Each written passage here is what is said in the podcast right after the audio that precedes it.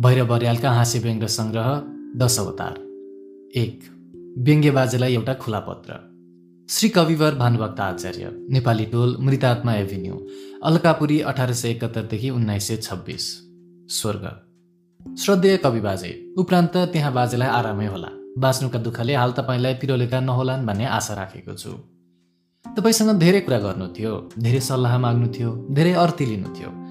तर तपाईँ मेरो बाजे पनि नजन्मदै यो दुःख सागर पार तरिसक्नु भएछ रामगीता लेखे बापत स्वर्गै पुग्नु होला र अलकापुरी खुब मनपर्ने हुनाले सोही सहरमा डेरा लिनुभयो होला भन्ने अड्कलले चेकअपको बाँकाले आफ्नो बाजेलाई लेखे चाहिँ बाजे म पनि तपाईँलाई चिठी लेख्न थालेको छु।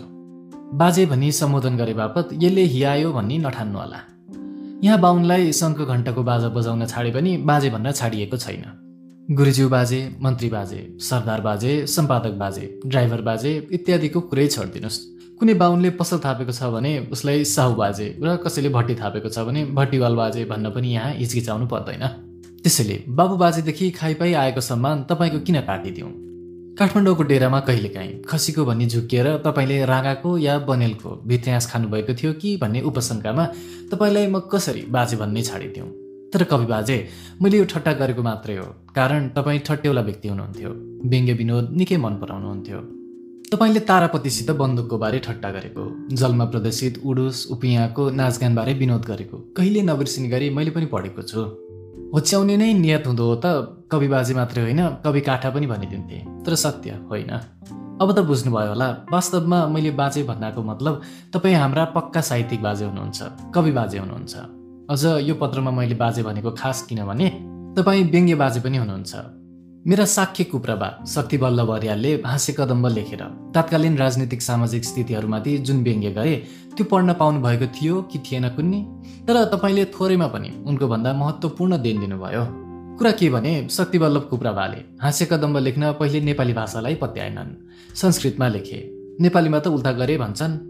तर तपाईँले मानमाथि पनि भुक्तमान थपिदिएका व्यङ्ग्य कविताहरू नेपालीमै दन्काइदिनु भयो चाकरी र चाप्लुसी नै गायत्री र दीक्षा भएको त्यो चर्तेकलाले राणा शासनमा पनि चाकरीलाई व्यङ्ग्य गर्दै जुन कविता लेख्नुभयो त्यो मनमोहक र मुटु छेदक छ। नभए त्यहीँ आफै सम्झिहेर्नुहोस्। एक मन चित्त लगाई चाकरी गर्या खुसी भया छन् हरि। मनमाथि पनि भुक्तमान थपिदिया कहिल्यै नछुट्न्या गरी। तपाईँले खानेको निम्ति चाकरी गर्नुभएको त थिएन। धनी नभए पनि कुदालो खनी खान त सक्नुहुन्थ्यो। तर मान पाउनलाई कि भनी चाकरी गर्नुभयो? तपाईँ जस्ता सिधा सादा पर्वते बाजेको चाकरी कसले वास्ता गर्छ? उल्टो भुक्तमान पाउनुभयो चाप्लुसी र चुक्ली बिना। चाकरी मात्रै गर्दैमा कहाँ हुन्छ र? अँ बाजे म त चिठी पो लेख्न लागेको। तपाईँका कविताको अर्थ गर्न लागेको कहाँ हो र? उपरान्त तपाईँका आशीर्वादले यहाँ मलाई सन्चै छ। म अचेल तपाईँको उही अल्कापुरी कान्तिपुरका नालभरि गल्लीमा मान्छे। कुकुर कुखुरा सुँगुर हाँस साँडे सबैको संयुक्त विष्टामूत्रले अभिसिन्चित सरसुवास सुँग्दै बाँचिरहेको छु। मान पाउला कि भनी एक मन लगाई चाकरी गर्दा भुक्तमान पाइने तपाईँको पालाको प्रवृत्ति अहिलेसम्म झन्डै उस्तै छ। अहिले त एक मन चित्त लगाई नोकरी गर्यो भने त्यसलाई बेवकुफ भन्छन्। सके त्यस्ता धोक्रे सुक्ति लागि खोसिएलान्। नखोसियो पनि भुक्तमान खप्दा खप्दै ती धुजिन्छन् मर्छन्। त्यसैले त मैले तपाईँसित कुरा गर्न खोजेको एक मन चित्त लगाई काम गर्दा भुक्तमान पाइने तपाईँका पालाको प्रशासनिक स्थिति र हाम्रो पालाको प्रशासनिक स्थिति झन्डै झन्डै उस्तै छ बाजे। चार पङ्क्तिमा सय वर्ष नागिसक्दा पनि घोच्न नछोड्ने कविता लेख्नु तपाईँको व्यङ्ग्य शक्तिको चमत्कार होइन त ल भन्नुहोस्। फेरि चिठी बाङ्गिया कुरा के भने कविराज मेरो हालखबर बेसै छ। म पनि ठुलो चयनमा छु। तपाईँले जेलमा भोगेको भनी उडुस उपियाँका नाचगानको जुन बयान गर्नुभएको थियो नि मैले त्यो नाचगान घरैमा प्रत्येक रात हेर्न पाएको छु। कारण अचेल कान्तिपुरीको आर्थिक स्थिति अत्यन्त विकट छ। झुल किन्यो तन्ना किन्न सकिन्न। तन्ना किन्यो तकियाको खोल हाल्न सकिन्न। त्यसैले लामखुट्टे र उपियाँको नाचगान बिना टिकट बर्खाभरि कोठैमा देखिन्छ। अझ कहिलेकाहीँ त के पनि देखिन्छ भने बाजे थाङ्नो गुन्द्रीबाट बुद्रुकको उफ्रेका उडुसहरू बडे बडे कुर्सीमा विराजमान हुन पुग्छन्। खाल्टाबाट उम्केका लामखुट्टेहरू हङकङ र ब्याङ्कक हुँदै केही दिनमै जगर सेट भइसक्छन्। त्यसैले म एक्लै भयो कि तपाईँको त्यही रमाइलो व्यङ्ग्य विनोद सम्झन्छु। रोज रोज दर्शन पाउँछु चरणको ताप छैन मनमा कछु रातभर नाच पनि हेर्छु खर्च नगरी ठुला चयनमा म छु लामखुट्टे उपियाँ उडुस यी सङ्गी छन्। यिनकै लहडमा बसी लामखुट्टेहरू गाउँछन् यी उपियाँ नाच्छन् म हेर्छु बसी। त्यस्तो ठुलो चयनमा बसेर त्यस्तो नाचगान हेर्ने तपाईँलाई मैले व्यङ्ग्य बाजे भन्ने त के पिराएँ? लौ यति मिठो र मार्मिक व्यङ्ग्य विनोद कसैले लेखोस्? देखिदेखि नदेखे चाहिँ गर्ने र बुझी बुझी नबुझे चाहिँ गर्ने। बडाहरूको दया विवेकलाई मिति पुर्याएर हान्दै फोहोर र अव्यवस्थाले नरकीय लाग्ने जेल निवासको विवत्सता र करुणतालाई तपाईँले हास्यरसमा बडो चमत्कारका साथ उतारिदिनु भएको छ। व्यङ्ग्य गरिनेले पनि क्रोधको सट्टा विनोदकै अनुभव गर्नुपर्ने यो कवितामा तपाईँमा निहित व्यङ्ग्यकारको कुशल क्षमता राम्ररी प्रदर्शित छ। सुग्रीव हो कुन साग म हुँ कुनको साग भने बालीको मुखबाट विशुद्ध नेपाली शैलीमा मर्मभेदी अभिव्यक्ति दिएको त हामीले रामायणमा पनि बराबर पढेकै हौँ। जिउँदै मरेको भनी नाम कसको? भन्ने प्रश्नमा उद्योग बिना वित्त छ काल जसको? भन्ने जडेर निरुद्योगीलाई जीवित मुर्दाको दर्जा दिन नडराउने तपाईँको व्यङ्ग्य कार्य निर्भिकता प्रश्नोत्तरमा पनि नदेखिएको होइन। तापनि रोज रोज दर्शन पाउँछु को जस्तो चार पङ्क्तिमा। चार पाथी व्याख्या र विवेचना गर्न सकिने हास्य व्यङ्ग्य अन्त बिरल्लै पाइएला। व्यङ्ग्य बाजे फेरि चिठी अर्कैतिर अल्म लिएकोमा नझर्किनु होला आफूलाई व्यङ्ग्य बाजे भन्यो भने अघिल्लो नभन्नु होला यो मैले मात्र भनेको होइन। नेपाली हास्य व्यङ्ग्यको नालीबेली लगाउँदै छ्याकनको भूमिकामा कृष्णचन्द्र सिंहले पनि भन्नुभएको छ साहित्यको संज्ञा पाई व्यक्तित्वको हास्य व्यङ्ग्य आदिका विजत्तिकै प्राचीन छ। साहित्यका आदि स्रष्टा पनि भानुभक्त नै यसरी भानुभक्तलाई माइलस्टोन मान्दछु। यही दूरीले नाप्दा हास्य व्यङ्ग्यको इतिहास नेपाली साहित्यको पृष्ठभूमिमा नौलो होइन। प्रथम प्रयोगताको दृष्टिले भानुभक्तलाई सराउनु त छँदैछ। सुरुमै यति मिठो छोइने र वस्तुस्थिति उद्यङ्गलाई मायाले थप्त व्यङ्ग्य परिहास मानवीय छ। भानुभक्तले व्यवहारिक जीवनमा अनुभव गरेको कटुतालाई सामाजिक परिधान दिए। साँच्ची बाजे तपाईँले व्यवहारिक जीवनमा भोगेको निजी अनुभवलाई परकीय बोधता दिए। साधारणीकृत गर्नुभयो सहज सम्वेद पार्नुभयो नपत्याए तपाईँको अर्को एउटा टुक्रा केलाउन। बिन्ती डिट्ठा बिचरीसित म कति गरौँ? चुप रहन्छन् नबोली। बोल्छन् त ख्याल गरे झैँ अनि पछि दिनदिन भन्दछन् भोलि भोलि कि त सक्दिनँ भन्नु कि त भ छिनिदिनु। क्या न भन्छ नि भोलि। भोलि भोलि हुँदैमा सब घर बितिको बक्सियो साझ झोली। यो तपाईँको उस बेलाको निजी अनुभव मात्र नभई लाखौँ लाखौँ सिधा सिधा नेपालीको अड्डा खानामा भोलिको सहर्ष धावन्ती र पर्खन्तमा अचिल्ता वाक्क भएर वैरागिएको आजसम्मको अनुभवको अभिव्यक्ति हो। हुन्छ वा हुन्नको निर्णयात्मक जवाफ नदी। जनता झुलाउने कर्मचारीहरूको चाकरीवादी र दीर्घसूत्री प्रवृत्तिको जुन झलक तपाईँले दिनुभएको थियो त्यो सय वर्ष बितिसक्दा पनि सिनित्ते निखारिएको छैन। क्यान क्यान यी भोलि भन्दैछन् अरूले सय वर्ष लगाइ गरेको काम हामीले दस वर्षमा गर्नुपर्ने भन्ने बुझ्दा बुझ्दै पनि। बुझ पचाएर अरूले दस वर्षमा गरेको कामको लागि हामी सय वर्ष खर्चदैछौँ। ठिट्टा बिचारीसित मात्रै होइन खरदार सुब्बासित शाखा अधिकृत र निर्देशकसित सचिव र मन्त्रीसित सबैसित तपाईँ भएको भए आज सोधिदिनुहुन्थ्यो क्या भन्छौ नि भोलि? यही देखेर मैले पनि उहिले एउटा जय भोलि लेखेको थिएँ कसले सुनिदिने। यसरी तपाईँले प्रशासनिक ढिलासुस्तीलाई व्यङ्ग्य गर्नुभएको थियो यसरी तपाईँले एक मन चित्त लगाई काम गर्दा जसको सट्टा अपजस पाइने प्रथापट्टि व्यङ्ग्य गर्नुभएको थियो यसरी तपाईँले उडुस उपियाले घरको सर्वसाधारणको कष्टपूर्ण जीवनप्रति मर्म चुहाउनु भयो बुझी बुझी बुझ बचाउने ठुला बडाको प्रवृत्तिप्रति व्यङ्ग्य गर्नुभयो। दरिद्र घरको घाँसीले जनसेवाको निम्ति कुवा खन्याएको देखाउँदै धनी भइकन पैसा घ्याम्पामा कुहिएर पनि जनसेवार्थले सत्तल पार्टीसम्म बनाउन नसक्ने कन्जुसहरूप्रति व्यङ्ग्य गर्नुभयो। त्यसैले तपाईँ धेरै वर्ष बाँचेको भए नेपाली समाजका धेरै अडमिल्दा पक्षहरूमा व्यङ्ग्य बाँड चलाइदिन सक्नुहुन्थ्यो तर बाँच्न सक्नु भएन। सके यस्तै खसरा कुरा गर्ने बानीले तपाईँले जिन्दगीमा धेरै भुक्तमान खप्नु पर्यो छिटै मर्नु पर्यो जे होस् भानुभक्त बाजे तपाईँले लगाइदिएको हाँस्य व्यङ्ग्यको डोरेटो क्रमशः अलि फराकिँदै गएको छ भन्ने समाचार मात्र तपाईँलाई सुनाउन पाएकोमा पनि मलाई आज तिन मुरी भात खाए जस्तो खुसी लागेको छ। धेरै गन्थन गरियो। अब म पनि उही लामखुट्टे र उपियाँको सांस्कृतिक कार्यक्रम हेर्न कोठा नामक दुलाभित्र बस्छु। नमरन्जेल बाजेको बिर्के टोपी र छड्के पछ्यौरा सहितको एउटा काल्पनिक अनुहार सम्झेर बस्छु। अन्त्यमा मेरो साथी कुलमणि देवकोटाले तपाईँलाई सोधि पठाएको सन्देश पनि सुनाइदिइहालौँ। हे युग युगका उडुसहरूले निशोष रक्त नमस्कार भानुभक्त लौ त विज्ञसु किमी दिगम तपाईँको उही नाति भैरव अर्याल। लुतो मिल्काउने सङ्क्रान्ति दुई हजार अठाइस साल घिमिरे बाजेको गोठ हाडी गाउँ मर्त्यमण्डल नेपाल। दुई लेखनाथज्यूको भोजन भट्ट। नमो नारायण। भोजन भट्ट न मेरा बाबुपट्टिका काका हुन् न आमापट्टिका मामा। तर पनि भट्टको नाम सुन्न साथ झट्ट मलाई भनिदिउ जस्तो लाग्छ नमो नारायण। यो आफन्त भाव उनको र आफ्नो नामको पहिलो अक्षर एउटै भएर मात्र उब्जेको होइन। न त उनलाई मिठो लाग्ने लड्डु पेडा बम्बई छन् आफूलाई पनि झन् मिठो लाग्ने हुनाले नै हो। वास्तवमा उनमा निहित विनोद प्रिय स्वभाव निष्प्रिय भाव र मपाईको अभाव नै लड्डु पेडा बम्बैसन जस्ता स्वादिष्ट गुणहरू हुन्। जसको निम्ति म भोजन भट्टलाई मन पराउँछु माया गर्छु र केही हदसम्म आदर पनि। सम्झेर ल्याउँदा भोजन भट्टसित मेरो चिनापर्ची अहिलेको होइन। आफू भुरै छँदा बाबुले सुनाएका र पढ्न दिएका पुस्तकमा एउटा लेखनाथजीको लक्ष्मी पूजा पनि थियो। यही हेर्दा हेर्दै एक दिन बेलुका हरिहरिको लेग्रो तान्दै मेरो अगाडि उभिन आइपुगे भोजन भट्ट। यस ज्ञान दया सिन्धु रहकारे दिरुपातोय जस्ता अमरकोश र कौमुदीका श्लोक रटिरहेका हामी बुढाहरूलाई सुनाउन भोजन भट्टले नयाँ श्लोक लिएर आएका थिए। मुखमा हरदम भइरहन्छन् लड्डु पेडा बम्बैसन कति मजा मानव हाम्रो मुखमा पनि ओहिरिहाल्यो लड्डु पेडा बम्बैसन आदि पचमेल मिठाईको धुलो। अस्ति नै बाले ल्याइदिनु भयो जस्तो। अस्ति नै महाराजजीको पसलमा आमाले किनिदिनु भयो जस्तो। त्यसैले लक्ष्मी पूजा लेखेको पुस्तकलाई सूर्य पूजा वा ग्रह पूजा जस्तै। कुनै पूजा विधिको पुस्तक होला भनी पहिले वास्तै गरिएको थिएन।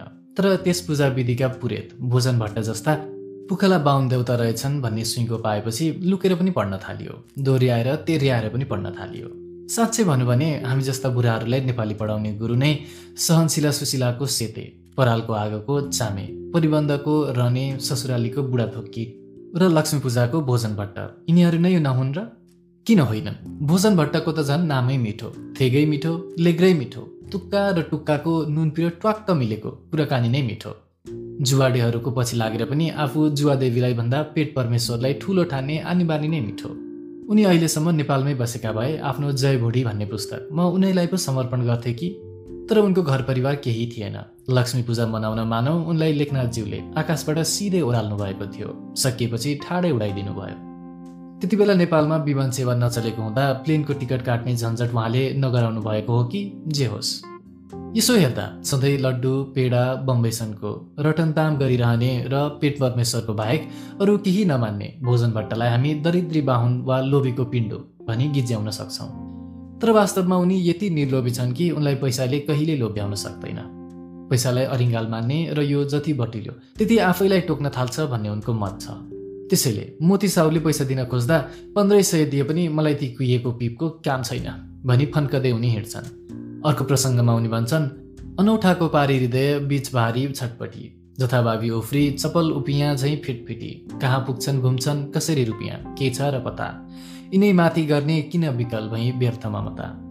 भोजन भट्टजी मदमात्सर्य अथवा मपाई र स्वार्थका घनघोर विरोधी छन् भन्ने कुरा यसै एउटा श्लोकबाट बुझ्न सकिन्छ।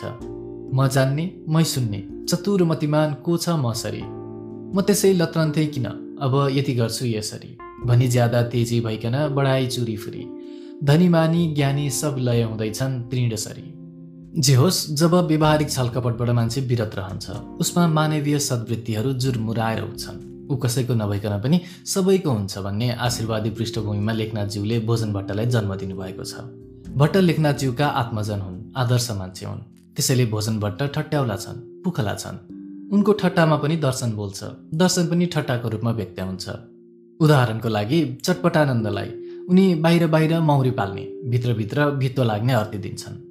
भित्तो कस्तो त भन्दा भोजन भट्ट भन्छन् अगम भित्तो अलख भित्तो रित्तोमा महारित्तो जसमा छ यो सारा तस्विरको झुत्तो त्यो भित्तो भेटाएपछि न केही बग्दो न केही बित्तो। भोजन भट्टलाई सन्यासी मान्ने हो भने उनको सन्यासीको परिभाषा खरानी घस्ने र मुडिने होइन। हाँसी खुसी साथ संयमी जीवनयापन गर्नेछ। सबैका निम्तिको रात संयमीका निम्ति दिन बन्छ भने सबैको निम्तिको दिनमा संयमीले रात मान्नु आश्चर्य हुँदैन। भोजन भट्ट संयमी छन्। त्यसैले उनकै शब्दमा उनी म रुने ठाउँमा हाँस्छु हाँस्ने ठाउँमा रुन्छु भन्छन्। तर फेरि भन्छन् पेट परमेश्वरको पूजा गर्दा जुवाडे पनि भन्छु कारण उनलाई पलायनवादीको जस्तो जिन्दगी सस्तो लाग्दैन।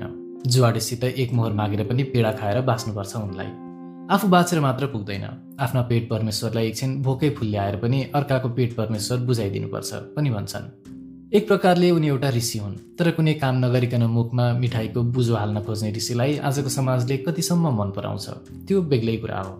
उनलाई योगी मात्र नगराई कर्मयोगी पनि बनाउन सकिन्थ्यो तर त्यतापट्टि लेखनाथज्यूले लगाइदिनु भएन। लेखनाथज्यूको लक्ष्मी पूजा नाटक आधुनिक होस् कि थोत्रो? स्वाभाविक होस् वा अस्वाभाविक त्यसको लेखाजोखा अहिले म गर्न लागेको होइन। मैले भन्न खोजेको कुरो एउटै हो भोजन भट्ट एउटा मजाका मान्छे हुन्। जति पछि पछि भयो हामी उनलाई चिन्दै जान्छौँ भित्री भित्री स्वरूपसम्म चिन्दै जान्छौँ। कविले काव्य रच्छ त्यसको रस जान्ने त पण्डितहरू पो हुन्छन् भन्ने उक्ति अनुसार धेरै पण्डितहरूले लेखनाथज्यूका धेरै धेरै रस जानेका छन् भाव तानेका छन्। उदाहरणको लागि पिजराको सुङ्गा नै पर्याप्त छ। कविले यो कविता लेख्दा राजनीतिक दृष्टि राखेका थिए थिएनन्। त्यो सन्देशपद कुरा हो। तर राणा शासनको समाप्तिपछि पण्डितहरूले रस जाने। पिजराको सुगा राणा शासनसित नेपालको प्रतीक हो। यसरी छान्ने हो भने लक्ष्मी पूजा नाटक पनि राणाहरूकै पालाको भोग विलासमय सामन्ती जीवनको प्रतीक हो। लेखनाथज्यूलाई पनि आफ्ना मालिकका मोजे छोराहरूका साथ खाल खाल चाहनु पर्दो हो। एक नम्बरको जुवाडे जस्तो भएर। तर वास्तवमा उहाँ खास जुवाडे होइन। चट्टु काजीको पछि लाग्ने बाहुन दौता भोजन भट्ट जस्तो निष्फिक्रीको मान्छे हुनुहुन्थ्यो होला। तर मेरो यो व्याख्या डेडक्कली पण्डितलाई मात्र हो। गहिरिएर हेर्नै पर्दैन। अरू कृतिहरू जस्तै लक्ष्मी पूजा पनि लेखनाथज्यूको हिन्दू अध्यात्मवादी चिन्तनको एउटा अभिव्यक्ति हो। यस दृष्टिले हेर्दा वस्तुत जीवन लक्ष्मी पूजाको एक चाड हो। यहाँ व्यवहारको जुवा खेलिन्छ। त्यसैमा कसैले चट्टुकाजी चाहिँ लट्ट भई सर्वस्व सिद्ध्याउँछन्। कोही उकाल सिंह चाहिँ आफ्नै साथीको खल्ती काटी स्वास्नी रिजाउँछन् कति कल्पलताका उमङ्गहरू आँसुमा लत्रन पुग्छन् भने कति सन्तोष र शान्तिका पिपासु भोला र सरलाहरूले मुटु भाँच्नुपर्छ मगज भुट्नुपर्छ। तर जीवन यसरी भौतिकताको महमै टाँसिएर जिउने वस्तु होइन। मान्छेले झिङ्गा चाहिँ जिउनु हुँदैन। जिउनु पर्दछ हँसी खुसी साथ निर्द्वन्द निष्प्रिय र निष्काम भएर अर्थात् भोजन भट्ट जस्तै। लक्ष्मी पूजाका लेखनाथ सायद यसै भन्नुहुन्छ किनकि अरू कृतिहरूबाट पनि उहाँका जीवन दर्शनको यस्तै छनक पाइन्छ। तर हाम्रा पूज्य कवि शिरोमणिज्यू त्यस बाटोमा पुगेर दोधारमा पर्नुहुन्छ जहाँ एकातिर अनेकौँ देवधाम र धार्मिक कामहरू छन्। गेरुवा वस्त्रका बैरागी चटपटानन्द चारधाम जानको निम्ति चन्दा माग्दै हिँडेको भेटिन्छ। तर भोजन भट्टलाई यो मार्ग कति मन पर्दैन। उनी पहेँला लुगा नपरिएर पनि बैरागी छन्। जुवाडेहरूको पछि लागेर पनि उनको मन व्यवहारिक प्रपञ्चतिर कति आकर्षण छैन। साथै चन्दा मागेर चारधाम जाने चटपटानन्दको सङ्कल्पलाई उनी हँसीमा उडाइदिन्छन्। उनको भोग पनि निष्काम वैराग्य पनि निष्काम। उनको भनाइ कति मजा छ। नजर होस् अरू मानिसहरू यही एउटा चोलाले अनेक जन्मको कल्याण गर्नुपर्छ भन्छन्। म अनेक जन्मको कल्याण यही जन्ममा खिचेर पेडै पेडा खानुपर्छ भन्छु कस्तो जीवनवादी दृष्टिकोण। जुन देख्दा स्वामी चटपटानन्दको परलोक सम्बन्धी आस्था नतमस्तक हुन्छ। गेरुवा र चारधाममा लटपटिएको भक्ति सन्यास भोजन भट्टको यस उक्तिबाट स्वत लचित हुन्छ। हरिहरि सर्वत्र खडा छ ईश्वरको सत्ता। म तपाईँको आँखा फुकिदिन्छु। तपाईँ आँखामा अमृत नवर्षदासम्म ईश्वरको इच्छा यही नै छ अक्षर मात्र जप्नुहोस्। हर्ष विस्मात आयो भने एकनाथसित खप्नुहोस् अनि ईश्वरको सत्ता देख्नुहोला। यो उही अवस्था हो जसलाई उपनिषदले ईश्यवास्यमित सर्व भनी व्यक्त गरेको छ। यसैमा चटपटानन्दको रूपमा परत्रको लागि भक्ति सन्यास लिने इच्छा भोजन भट्टको निर्लिप्त जीवनवादी यो मार्गमा आत्मसमर्पण गर्छ। यो महसुस गर्दै जगतमा सन्यास व्रत विषयको तत्त्व नबुझी रुखा दिगदारीका लहरकन वैराग्य सम्झी। जथभावी अन्धा अबुझ मुडिका योग पथक घट्यो भक्ति श्रद्धा सब उदयभो तुच्छ मतको। यसबाट के प्रश्न हुन्छ भने लेखनाथज्यूका दुधारमा उभिएका आध्यात्मिक दृष्टिकोण अन्त्यमा भोजन भट्टमै एकत्रित हुन्छ र उनी सत्य स्नेह सद्भावना निर्लोभ निर्द्वन्द्व र निष्काम आदि मानवीय सत्प्रवृत्तिहरूमा आधारित व्यक्तिको सपना देख्दछन्। अनि मैथिली शरण गुप्तको बनिङ्गे दक्षिण उत्तर एक उरोका जब हो उर्से मेल भन्ने उक्ति चाहिँ भोजन भट्ट भन्न थाल्छन्। जोडु मनमा मनको तार झन नपारौँ सत्य विचार अथवा जोडु मनमा मनको तार मन मन मारौँ लोभ अपार। त्यसैले त म ताक्छु मुडो बन्चरो ताक्छ घुँडो भने चाहिँ लेखनाथज्यूले विदुषकको पाठ खेल्न निम्ति आएका भोजन भट्टले। उनका सबै आध्यात्मिक आन्द्रभुँडी सोहोरेर नायक झैँ बोलिदिएका छन् नायक झैँ खेलिदिएका छन्। चट्टुकाजी चौपट छन् आदि कोही नायक भए पनि नायक जस्ता छैनन्। त्यसले गर्दा र खास गरेर लेखकको मन्तव्य प्रकट गर्ने प्रवक्ताको हैसियतले पनि लक्ष्मी पूजा नाटकको नायक हुने हक भोजन भट्टकै छ हो पहिले उनी विदुषककै रूपमा देखिन्छन्। तर उनको चारित्रिक दृष्टताको विकास नाटकमा यसरी भएको छ कि अन्त्यमा कतिपय असाधारण खुबीहरू उनमा हामी देख्छौँ। यद्यपि उनलाई उडाएर लेखनाथज्यूले एउटा अस्वाभाविक दृश्य उपस्थित गर्नुभएको छ। तर उनी उडे पनि लक्ष्मी पूजा नाटक पढिसकेपछि हाम्रो स्मृतिमा भोजन भट्ट उड्न पाउँदैनन्।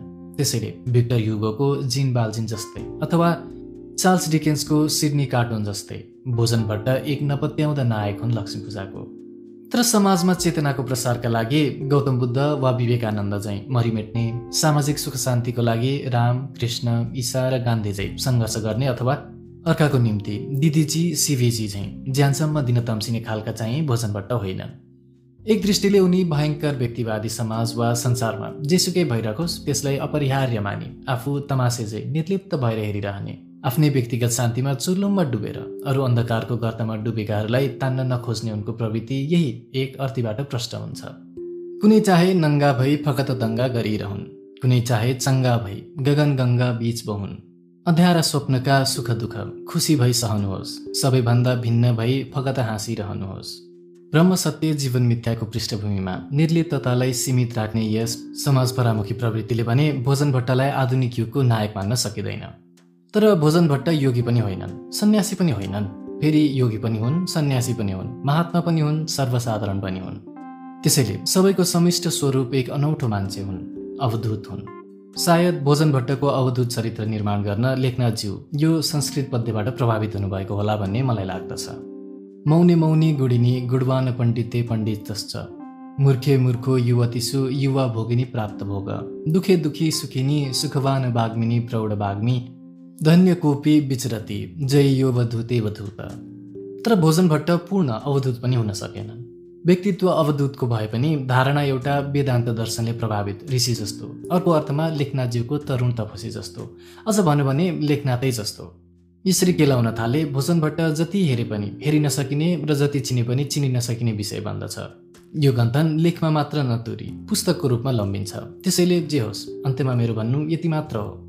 लेखनाथज्यूको आध्यात्मिक फोटो भोजन भट्टले आफूमा खिचेको छ। त्यसैले उनलाई राम्ररी चिन्न सके। लेखनाथज्यूलाई चिन्न सकिन्छ बिन्न सकिन्छ। साँच्चै एउटा असफल नाटक लक्ष्मी पूजाको धेरै हदसम्म सफल नाटक हुन् भोजन भट्ट जसको ठट्टेली स्वभावले हामीलाई हँसाएर मात्र छोड्दैन चिन्तनका तन्तुहरूलाई पनि एकपल्ट हल्लाइ छाड्छ। लौ त भट्टज्यू नमो नारायण। तिन व्यङ्ग्य विनोद देवकोटा केही झल्याक जुलुक। शिरमा न्याच्च पारी लगाएको मखीबुट्टे टोपी र काँधमा सपक्क राखेको कैलो गलबन्दीले उनलाई साधारणतः एक पण्डितजीको शोभा दिइरहेको थियो। त्यसमाथि सार सहित अर्थात् हात हल्लाइ हल्लाइ वेदपाठ गरिरहेको देख्दा उनलाई पण्डित बाजे बाहेक अरू कोही ठान्ने खण्डै थिएन। चार वेद नपढे पनि चार अध्यय वेद नपढेको बाहुन म कहाँ थिएँ र? त्यसैले उनी वेद पढ्दैछन् भन्ने ठम्याउन मलाई गाह्रो परेन। गाह्रो त के कुरा बुझ्न पर्यो भने कत्रा कत्रा कविहरूले कविता पाठ गर्ने ठाउँमा यी बाजेलाई वेद पाठ गर्न किन दिइएको हो? विराट कवि सम्मेलनमा हावामेहको लेप्रो कति असुहाउँदो सुन्नु न बुझ्नु अल्लाह रे हाँसो फुस्किहाल्यो। तर राम्रो कितका छाड्न नपाउँदै कानले ठम्म्याएछ उनले पाठ गरेको वेद हाम्रो जस्तो छैन बा। बुझ्न त कुन चाहिँ वेदका कुन चाहिँ शब्दको पो अर्थ बुझिएको थियो र? तर पनि सुनाइ र घोकाइको अभ्यासले केही शब्दको चिनारी कसो थिएन भनौँ। तर उनले पढेको वेदमा न हरिओ थियो न हवामहे हामी ससाना ठेट्नै ठेट्ना थियौँ जिल्ला परेर सुनिरह्यौँ। केही बेरपछि बुझ्यो उनले पढेको वेद संस्कृतमा होइन अङ्ग्रेजीमा थियो। सार र स्वर मात्र हाम्रो जस्तो। तर मखीबुट्टे टोपी ढल्काएर अङ्ग्रेजी वेद भट्याउने यी महापण्डित को हुन्? प्रश्न धेरै बेर प्रश्न रहेन। नजिक बस्ने बालादमीले बताइदिए धौकोटो भने यही हो धौकोटो। उनले अझ प्रष्टीकरण थपे। लक्ष्मीप्रसाद धौकोटो कवि? भलादमीका शब्द यस्तै थिए। केही ठर्रा केही अप्ठ्यारा तर हामीले प्रष्टीकरण मागिहाल्यौँ। ए लक्ष्मीप्रसाद देवकोटा मुनामदनका लेखक? हो मुनामदनका लेखक। तर मलाई पत्याउन धौ धौ पर्यो किनभने लक्ष्मीप्रसाद देवकोटालाई एकपटक मैले खरीको बोटमुनि छात्र सङ्घको उद्घाटन भाषण दिन लागेको देखिसकेको थिएँ। कालो शेरमानी सेतो डौडा सुरुवाल ठुलो निधार मुन्द्रे कपाल। उनी यीभन्दा अलि अग्लै पनि थिए कि मनमा एउटा वाद विवाद चलिरह्यो। ती कालो शेरमानी लगाउने लक्ष्मीप्रसाद हुन् कि यी खैरो कोट लगाउने लक्ष्मीप्रसाद हुन्? यतिकैमा आग्ला वेदको पाठ सिद्ध्याएर उनी माइक नजिकैको सभापतिको मेचमा थचक्क बसे। उद्घोषकले आएर सुनाए अहिले सुन्दै हुनुहुन्थ्यो महाकवि लक्ष्मीप्रसाद देवकोटाबाट वैदिक छन्दमा लेखिएको एउटा अङ्ग्रेजी कविता म छर्लङ्ग भएँ। कालो शेरमानी सल्ल बगेर खैरो कोटमा आत्मसात भयो। पहिले देखेको र अहिले देखेको देवकोटा एउटै रहेछन्। प्रोफेसर देवकोटा र पण्डित बाजे देवकोटा एउटै रहेछन्। जेन्टलम्यान देवकोटा र मखीबुट्टे देवकोटा एउटै रहेछन्। कुञ्जिनीका झ्याउरे देवकोटा र सुलोचनाका नवलय हन्त्री देवकोटा एउटै रहेछन्। पागलका बौलाहा देवकोटा र मार्गका महात्मा देवकोटा एउटै रहेछन्। दाल भात महादरिद्र र गरिबका अद्वितीय धनी देवकोटा एउटै रहेछन् अनि एउटै रहेछन्। महाकवि देवकोटा र आधुनिक निबन्धकार देवकोटा सौन्दर्यका पुजारी देवकोटा र व्यङ्ग्य विनोदका चमत्कारी देवकोटा। यो थियो सन् दुई हजार आठ सालतिर जय बागेश्वरीमा आयोजित विराट कवि सम्मेलनको एक हसिलो संस्मरण। त्यसपछि दुई हजार आठदेखि दुई हजार सोह्रसम्मको अवधिमा मैले देवकोटालाई धेरै पटक देखेँ। दिल्ली बजारको पसलमा क्याप्स्टन एक बट्टा मागी पैसा पैसाको हिसाब नगरी हिँड्ने कवि बाजा बुखारेस्टबाट फर्केर तिनधाराको चौरमा हँसाइ हँसाइ केरा खाएको अनुभव सुनाउने देवकोटाजी। त्यसै चौरमा शान्तिको कहन व्याख्यान गर्ने गम्भीर बाग्मी देवकोटाजी हो। ट्युसनात ट्युसनान्तरम गरी जहान पाल्न घोक्रो बजाइरहेका देवकोटा गुरु। माननीय शिक्षा मन्त्री देवकोटा नेपाली एकाडेमीका सदस्य देवकोटा उच्च निधारका रिष्टपुष्ट सधैँका ओजस्वी देवकोटा एवं ख्याप्लाक्क र जिर्लिङ अवतारमा देवपाटनको पार्टीमा कनिरहेका मर्ने अघिल्ला दिनका देवकोटा। तर जे जति पटक देखे पनि आफूलाई रमाइला उनै लाग्थे। मखीबुट्टे टोपी र खैरो गलबन्दीका भण्डारखालमा अङ्ग्रेजी बेच सुनाउने लक्ष्मी प्रसाद र असङ्ख्य श्रोतालाई ध्यानकृष्ट पार्दै नक्सालमा पागल कविता पाठ गर्ने देवकोटा। त्यसैले त देवकोटाको साहित्य सागरमा अरू सबै छोडी मलाई पहिलो तुलबुली लागेको छ व्यङ्ग्य विनोदकै माछा समाउन। साँच्चै देवकोटा नेपाली साहित्यका औतारी लामा हुन्। उनी कहिले ढ्याङ्ग्रो ठटाउँदै भोटेसेलो गाउँछन् कहिले सारङ्गी रेट्दै गाइने गीत कहिले स्वयं पागल हो भन्दछन् कहिले गाउँछन् हुरीको गीत। लहडी स्वभाव मयूरपङ्खी भाव र अध्ययन एवं अनुभवको व्यापक प्रभावले खरिएको देवकोटाको प्रतिभापुञ्ज एकातिर मुक्त उड्डयनशील छ भने अर्कोतिर व्यङ्ग्य विनोदी पनि। त्यसैले हामी आफ्नो सन्दर्भको श्री गणेश आएनमा उनको श्री गणेश आए नमहबाटै गर्न सक्छौँ। धेरैजना भन्छन् यो के गन्थन? यो के झुत्रे गफाडी गुन्द्रुक हो? तर प्रबन्धले र विदेशीले कुरा बुझाउन लिएको बाङ्गो व्यङ्ग्य सहितको मुस्कुराहट साथ भन्दछ महाशय या पण्डितजी म त हाँस्न खेल्न र रमाउन जन्मेको। म एउटा ठट्यौलो र सिलो साथी हुँ। तपाईँको शास्त्र गरुङको मगज भारी झोकाई र रौचिर्ने बहससँग मेरो गोरु बेचेको साइनसम्म पनि छैन। यहाँ देवकोटा आधुनिक निबन्धबारे आफ्नो विचार व्यक्त गर्दैछन्। यसैबाट के स्पष्ट हुन्छ भने आधुनिक निबन्धका विभिन्न विशेषताहरूमध्ये व्यङ्ग्य विनोद पनि एक हो। यस विशेषतामाथि देवकोटाको थप विशेषता हो। गुरु गम्भीर विशेष समातेर पनि व्यङ्ग्य विनोदलाई सँगसँगै लैजान सक्नु। तरङ्गहीन लहडी शून्य लटमुखा गद्दु पुरुषहरूभन्दा त गाँजा खाने थर्ड क्लास आदमीहरू धेरै मजाका हुन्छन्। तिनीहरूको सानो कोठारीभित्र। एउटा अलिखित साहित्य छ। त्यहाँ बसी तिनीहरू अविदितको यात्रामा चल्दछन् र यस्ता यस्ता चुटकिला शिला खोज पत्ता पाउँछन् कि साधारण श्रोता चकित भएर उठ्दछन्। कुनै हिँड्दा हिँड्दै यति हिँडेछ अरे कि उसको सब जिउ पैतालादेखि खिएर खाली टुप्पी लिखुर लिखुर गर्दै घर आइपुगेछ अरे कल्पना लक्ष्मी निबन्ध सङ्ग्रह पृष्ठ आ हिँड्दा हिँड्दै पैतालादेखि सब जिउ खिएर लिखुर लिखुर गर्दै घर आइपुगेको टुपीको कुरा सुन्दा हाँस्नु त स्वाभाविकै हो। गजडीलाई तेस्रो दर्जाको भलाग्मित्व पहिराउँदै लहड शून्यलाई चौथो दर्जासम्म पनि नदी गद्दु पुरुषमा गनिदिएर उनले यहाँ गजबको व्यङ्ग्य सिर्जना गरेका छन्। व्यङ्ग्य र विनोदको यो हातेमालोले कल्पना जस्तो भाव गम्भीर निबन्धमा पढ्ने चाख र बुझ्ने सुविधा दुवै थपिदिएको छ। यस्तै अर्को एक टुक्रा हेरौँ। मनै तिन मासाको छैन तिन तोलाको अलङ्कार के भर्नु? म मै जस्तो छु अरू जस्तो छैन। मैले आफ्नो व्यक्तित्व प्रदर्शन गर्न खुर्सानीको माला लगाउनु पर्दैन। यसमा अलङ्कारपन्थी अनुकरणशील र टाइफोई साहित्यकारहरूको बानीप्रति केही कटु प्रहार छ। तिन मासा र खुर्सानीको माला जस्तो प्रतीकले त्यस कटुमा विनोदको मधु पनि थपेको छ। यसरी कटुमधु टक्क मिलाएर साँधेको मिठी अचार जस्ता अनुच्छेदहरू उनका धेरै निबन्धहरूमा पाइन्छन् जसले निबन्धको रोचकता बढाउनुको साथै लक्ष्मीप्रसाद देवकोटाको व्यङ्ग्य विनोदी विशेषता टटकारै झल्काएका छन्। यिनका अतिरिक्त धुम्रपानसहित क्षमा याचना कविराजको च्याङ्ग्रे खच्चर जस्ता केही पुरै हास्य व्यङ्ग्यात्मक निबन्धहरू पनि पत्रिका र पुस्तकका पत्रतिर यत्र तत्र भेटिन्छन्। धुम्रपानको समर्थनमा उनको विनोदी बसिलाले ताचतुस पारेर तेर्स्याएका तर्कहरूमध्ये एउटा यो पनि छ। सर्प जस्ता विषालु किराहरूलाई धुवा देखाएर धपाइन्छ कारण उनीहरू धुवादेखि डराउँछन्। त्यसैले धुम्रपानदेखि डराउने मान्छे सर्प जस्तै डरलाग्दा हुन्छन्। कविराजको च्याङ्ग्रे खच्चरबाट एक टुक्रा पढिहालौँ। शङ्कर साँडेमा चढेर कसले निन्दा गर्न सक्यो? गणेशजी मुसामा चढेर साना भएनन्। सरस्वती हाँसमा चढेर पनि संसारको पूजा पाउँदैछन् भने हाम्रा कविराज बाजेलाई च्याङ्ग्रे खच्चरमा चढ्दैमा नचिन्ने र ढोग्न नआउने को होला? फेरि पहाड चढ्दैमा मान्छे ठुलो हुन्न नत्र लेखका मान्छेहरू सर्वोच्च सम्झिनु पर्ने हो। यस्तै सन्तोष तरङ्गहरूले आनन्दित भएका हाम्रा कविराजजी। जुङ्गामा ताउ लगाएर फेरि एक हात कम्बरमा अड्याएर च्याङ्ग्रे झोक्रुवा मिजाजको जन्तुलाई पहेरको ऐडी र लगामको झटारोले अगाडि बढाउँथे। लिखे टुकुर टुकुरमा। र यो मिठो चैतन्य उनमाथि गदगदाएर चढ्थ्यो कि हजारौँ गोडाहरू उचालिँदै पछाडिँदै ठक्क ठेस खाँदै वाहन बिना बागबजारको सडकमा रङमङ्गिरहेछन्। बिचरा कविराज बाजे एउटा च्याङ्ग्रे खच्चरमा कति आत्मतृप्त। उचालिँदै पछारिँदै ठक्कर ठेस खाँदै रङ्गभङ्गिएका हजारौँ गोडाहरूका बीच खच्चरकै भए पनि ऐडीमा झुन्डिएका उनका एक जोर गोडा कति श्रेष्ठ कति उच्च। धन्य धन्य।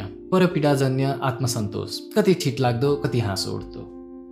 निबन्धका यी व्यङ्ग्य विनोदी झल्याकझुलो कवितामा झन फराकिन्छन् बोके प्रेम र बग वेदान्त दुवैलाई उडाउँदै लेखिएको उनको एउटा कविता छ बोके प्रेम।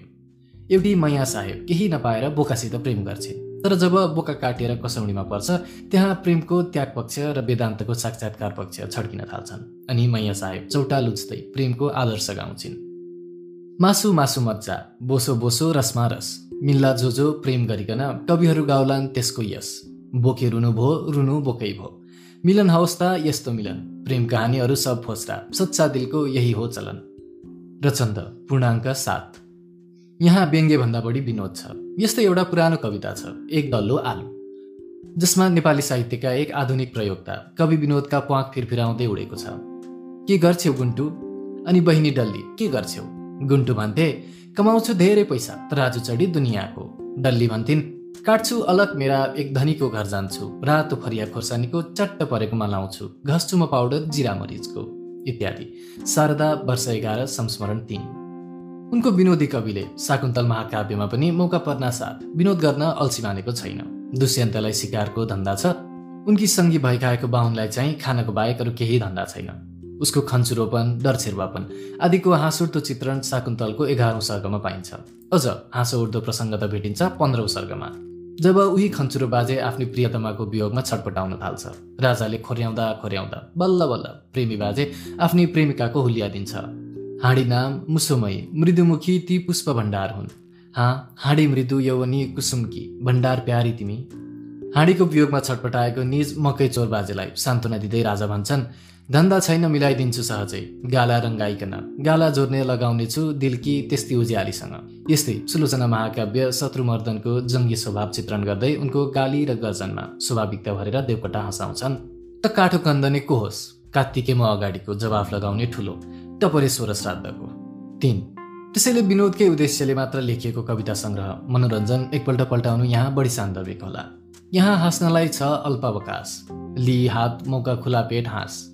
भनी उनी थालनीमै जीवनमा हाँसेको औचित्य र आवश्यकता साँच्चै चित्तबुझ्दो रूपमा बताउँछन्। दुखी यो रुझेको जगतमा मलिन छ छाया झुकेकी मुहारै छ दिन। यहाँ थप्नु के आँसु छाया खरानी उज्यालो छरी चम्क चम्काई नानी। मनोरञ्जन पृष्ठ दुई। मनोरञ्जनमा व्यङ्ग्यको भन्दा विनोदको मात्रा बढी छ भन्ने उनको भूमिकाको यसै वाक्यले प्रष्ट गर्छ। हास्यरस यसमा प्रधान छ।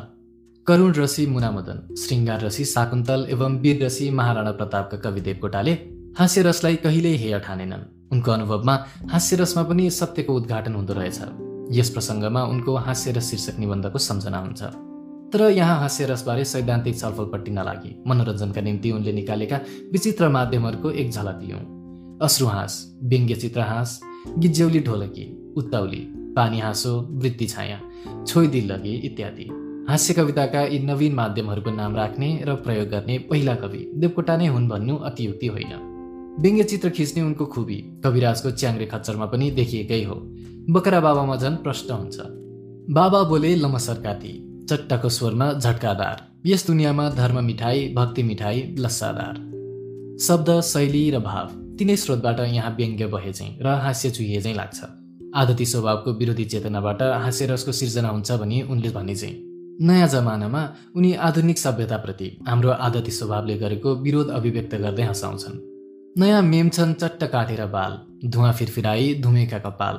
डटी ह्याट वेटले जाँगै खुलायो अनौठो जमाना नयाँ आज आयो। नवाफी रवाफी कवाफी छ नेता बिलासी गिलासी सुभाषी विजेता। प्रजातन्त्रको ढ्वाङ रित्तो करायो अनौठो जमाना नयाँ आज आयो। यसरी एकातिर आधुनिकतालाई उडाउने देवकोटाज्यूले अर्कातिर कट्टरपन्थी सट पण्डितलाई पनि कम छ्यासेका छैनन्। त्यसैले मनोरञ्जनभित्रका कविता पढेर उनलाई कट्टर पुरारपन्थी वा आधुनिक रीति छाडा भनी किटिहाल्नु हुँदैन। मनोरञ्जनको त उद्देश्य नै मनोरञ्जनभित्र सीमित मान्नुपर्छ। यसले देवकोटाका विचारको प्रतिनिधित्व गर्दैन। उपहास र दिल्लगी पनि एक सीमासम्म हास्यका साधकै भन्छन् भने यिनको माध्यम उनी किन नसमातुन्? एउटा पहाडियाले राजधानी बस्दा पाएको विचित्र अनुभव भ्यागुर नारायण उपहास्यात्मक कविता हो। यहाँ पहाडिया केटो पाइला पाइलामा आफ्ना आदतहरूसित विरोध पाउँछ। सुहागरातमा सजिएको बिछौनाभित्र पस्न नसकी खाटमुनि निदाउँछ। किनभने यसो पस्न खोज्छन् कतै छैन ढोका। घुमे चारतर्फै सबैतर्फ धोका। परे जिल्लती धेर नै बेर बोका कहाँ सुत्नु होला? सबैतर्फ रोक्का। भ्यागुर नारायण कथा हाँस उठ्दो? चरित्र र चित्र हाँस उठ्दा। शैली हाँस उठ्दो अनि दुई परम्परा नमिल्ने सभ्यताको अडबाङ्गी सम्मिलन। तब न उनले भने उपहास गीत अर्को एउटा छौँ छोई दिल्लगी। यसलाई व्यक्तिगत आक्षेप भन्ने पनि होलान् तर यो आक्षेप आक्षेप पाउनेहरूले पनि हाँस्नै पर्ने ढङ्गबाट प्रस्तुत छ। नपत्याए मनोरञ्जनमा प्रस्तुत केही वरिष्ठ नेपाली साहित्यकारहरूको शब्द कार्टुन पढ्न सक्नुहुन्छ। तिग्डम उनको तिखरो कविता हो। यस संसारमा बोको नबन भोको नबन चोखो नबन। तीन विशेष यी वर्षित धोका असलीमा हो सफल हुनु नै स्वर्गको ढोका। किन यो अभागी नागको टुप्पो तत्व अरूमा रगडम? जाउँ बनारस एक छ पारस। किल्ली त्यहाँ रे तिगडम सब लटपारी सबतिर चार। आफू उतार खाँचो टार। विनाशीले यह संसारे पारी मुरारे अब परिवार। विद्या कला सब अक्कड बक्कड किल्ली केवल सुन्दर तिकड।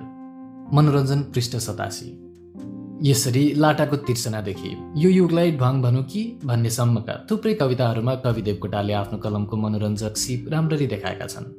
साथै जीवन र जगतका बाह्य र आन्तरिक विकृति विरोधाभास र ढोङहरूलाई उडाएका छन्। हो मनोरञ्जनमा गुलियो लड्डु बनाउँदा बनाउँदै कतै काँठे कसार झैँ ती काठिएका पनि छन्। कतै शब्दमा मात्र बाँचेका ढोलकी पनि।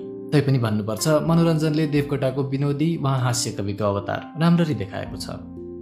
एउटा आँखामा अन्तर्वीक्षण र आँखामा यथार्थ अन्वेषण शक्ति भएका देवकोटा एकातिर प्रकृतिका पत्र पत्र केलाएर मक्ख पर्छन् र भन्छन् तिम्रो गिदी छ साथी मेरो मुटु। तिमी गुलाबलाई गुलाब सिवाय देख्न सक्दैनौ। म उसमा हेलेन र पद्मिनी पाउँछु।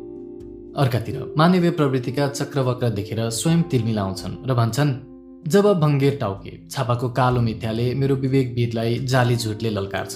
तब हुन्छन् मेरा गाला राता साथी सल्केका गोल झै राता नभन्दै जब दुष्प्रवृत्ति र दुराग्रहहरूले मानवताको बाटो बिथोलेको उनको विवेक वीरले अनुभव गर्छ उनी गाला राताम्य पार्दै पड्कन्छन् गोली हो यो गोली हो। कति गोली? उनले मानिसको माछ्य न्यायी प्रवृत्तिमाथि ठोकेका छन्। कति गुलेली उनले समाजका विकृति वैषम्य र विरोधाभासमाथि हानेका छन्। सिधा सिधाले बाँच्न नपाउने माछ्य न्यायमाथि गाली बसाउँदै लुरे बच्चो पाउने भगिनीलाई बाघको स्वरमा उनले स्वयं छ्यासिदिए। ए तेरो छोरा त स्याल सिंह नाथे। मेरै पैरमा लुटुपुटु गर्नु पो खोज्छ मान्छेको बच्चा जस्तो नाथे। मानव करुणा माग्ने मगनताको छाउरा जस्तो।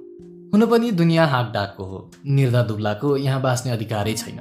त्यसैले निच्छेको गर्जनमा सही हाले चाहिँ गरी देवकोटा वास्तविकताको तिखो गुलेली हान्छन् अर्काको रगतको छापा नमारी जीवनको खै लाल मोहर कमजोरी हो खटिरो फोर्नुपर्छ फोहोर। बाघले बच्चा किन खान्छ? शारदा वर्ष बाह्र संस्मरण एघार बाह्र। रूप सानो होस् वा ठुलो तर मान्छेको समाज माछ्य न्यायले ग्रस्त छ। अन्याय अत्याचार र शोषणको निर्मूल कहिल्यै हुँदैन। त्यसैले साँडेको शब्दमा कवि कुर्लन्छन्। हेर ठिटा हो सुन जङ्गलको कानुन उसको सिङ छ उसकी स्वास्नी ब्रह्मचारी मुडुला। जसले हाक्यो उसको पाक्यो काँतरको हक थाक्यो। साँडे छ्याकन पृष्ठ एक सय सन्ताउन्न। भन्छन् कतिपय समाजमा दाल भात तरकारी बाहेक अरू सब सरकारी हुन्छ।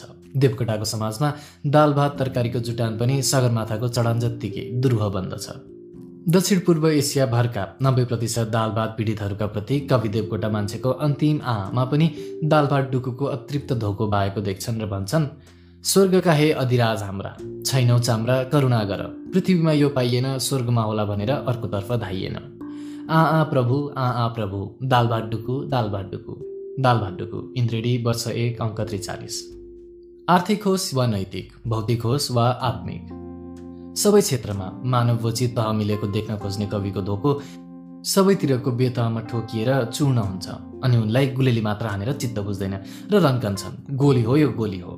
तर कैयौँ तोपले तह मिलाउन नसकेको मान्छेको समाजमा कविको बोली र कलमको गोलीले मात्र के गर्न सक्छ र? त्यसैले कविलाई झोक उठ्छ र भन्छन् अलम भाँचु भाँचु लाग्यो कलम। के यो नखरे गुन्डो होइन दुनियाँको साप? कृत्रिमताको श्राप। के म गरिरहेछु यो सब कुरा वाफ?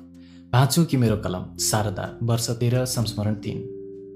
हो देवकोटा सभ्यता विरोधी होइनन् तर कृत्रिमता उनलाई मन पर्दैन। उनी मानिसको हार्दिक विराटतामा आस्था राख्ने मान्छे। आधुनिकताको प्रवाहले ल्याएको बोक्राहरूप्रति उनको रोष छ।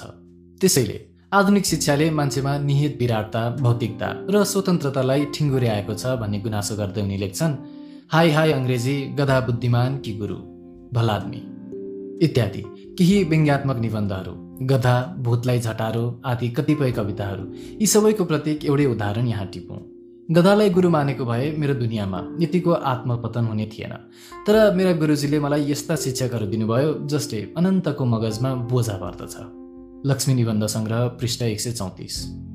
हामी जसलाई जान्नु भन्छौँ देवकोटा त्यसभन्दा माथि उक्लेर जान्नुलाई जोग्छन्। एकातिर कति सङ्कीर्ण छ आजभोलिको जान्नु? अर्कातिर कति बोझिलो छ केही जान्नु? मान्छेको विराटसँगै फराकिएको मान्छेको अगाधताभित्र डुबुल्की मारी शाश्वत गीत सुसेल्न खोज्ने महाकविलाई यी दुवै थरीका जान्नुदेखि वैराग्य लाग्छ र उनी पुकार्छन् प्रभुजी मलाई भेडो बनाऊ। आफूले देखे जानेको कति सत्यहरू जब कार्य रूपमा देख्न भोग्न पाइँदैन। त्यसबाट मानिसको चेतन संस्थामा पर्ने आघातहरू सहनुभन्दा चेतनामा बिर्क लगाएर निष्पट्ट हुनु बेस होइन र तर होइन। देवकोटाको भेडो भन्ने पुकार त मान्छेको ज्ञान र कर्ममा देखिने भयङ्कर असामञ्जस्य एवं विरोधाभासको प्रतिको एउटा ललकार हो। यसरी खोज्दै र खोतल्दै जाने हो भने देवकोटाले जीवन र जगतका विविध पक्षमा व्यङ्ग्यको माध्यमबाट सामञ्जस्य र समीचीनता खोजेको देखिन्छ। त्यसैले भन्न कर लाग्छ। देवकोटाले हाँस्य व्यङ्ग्यलाई केवल मनोरञ्जनमा मात्र नकुम्च्याई सत्यको उद्घाटन गर्न सक्ने क्षमता दिएका छन्। र जीवन र जगतका सर्वकोणीय उबड खाबड छामी समाजस्य र सत्य खोज्ने व्यापकता र गहिराई दिएका छन्। त्यसैले भन्नुपर्छ उनको यो भनाइ उनकै रचनाहरूबाट साबित भएको छ। सुधारक चैतन्यले सामाजिक वास्तविकताहरूलाई उपहास बनाउँछ र हृदय स्पर्शसितसँग भावुक प्रेरणा लहराए। त्यहाँ कविताको प्रशस्त मात्रा रहन सक्छ। यो उनले हास्यरसले कवितालाई तल ओह्राल्छ भन्ने समालोचकहरूको भनाइमा टिप्पणी गर्दै भनेका थिए। त्यसैले यो प्रसङ्गको अन्त पनि उनकै एक श्लोक टिपेर गरे कसो होला? हाँसो हो स्वस्थ मिठो हसमुख दुनियाँ रामका हुन् प्रजारे। हाँसो हो आयु हाम्रो जिउनु हसमुखा। मृत्यु हो म्लान्तारे।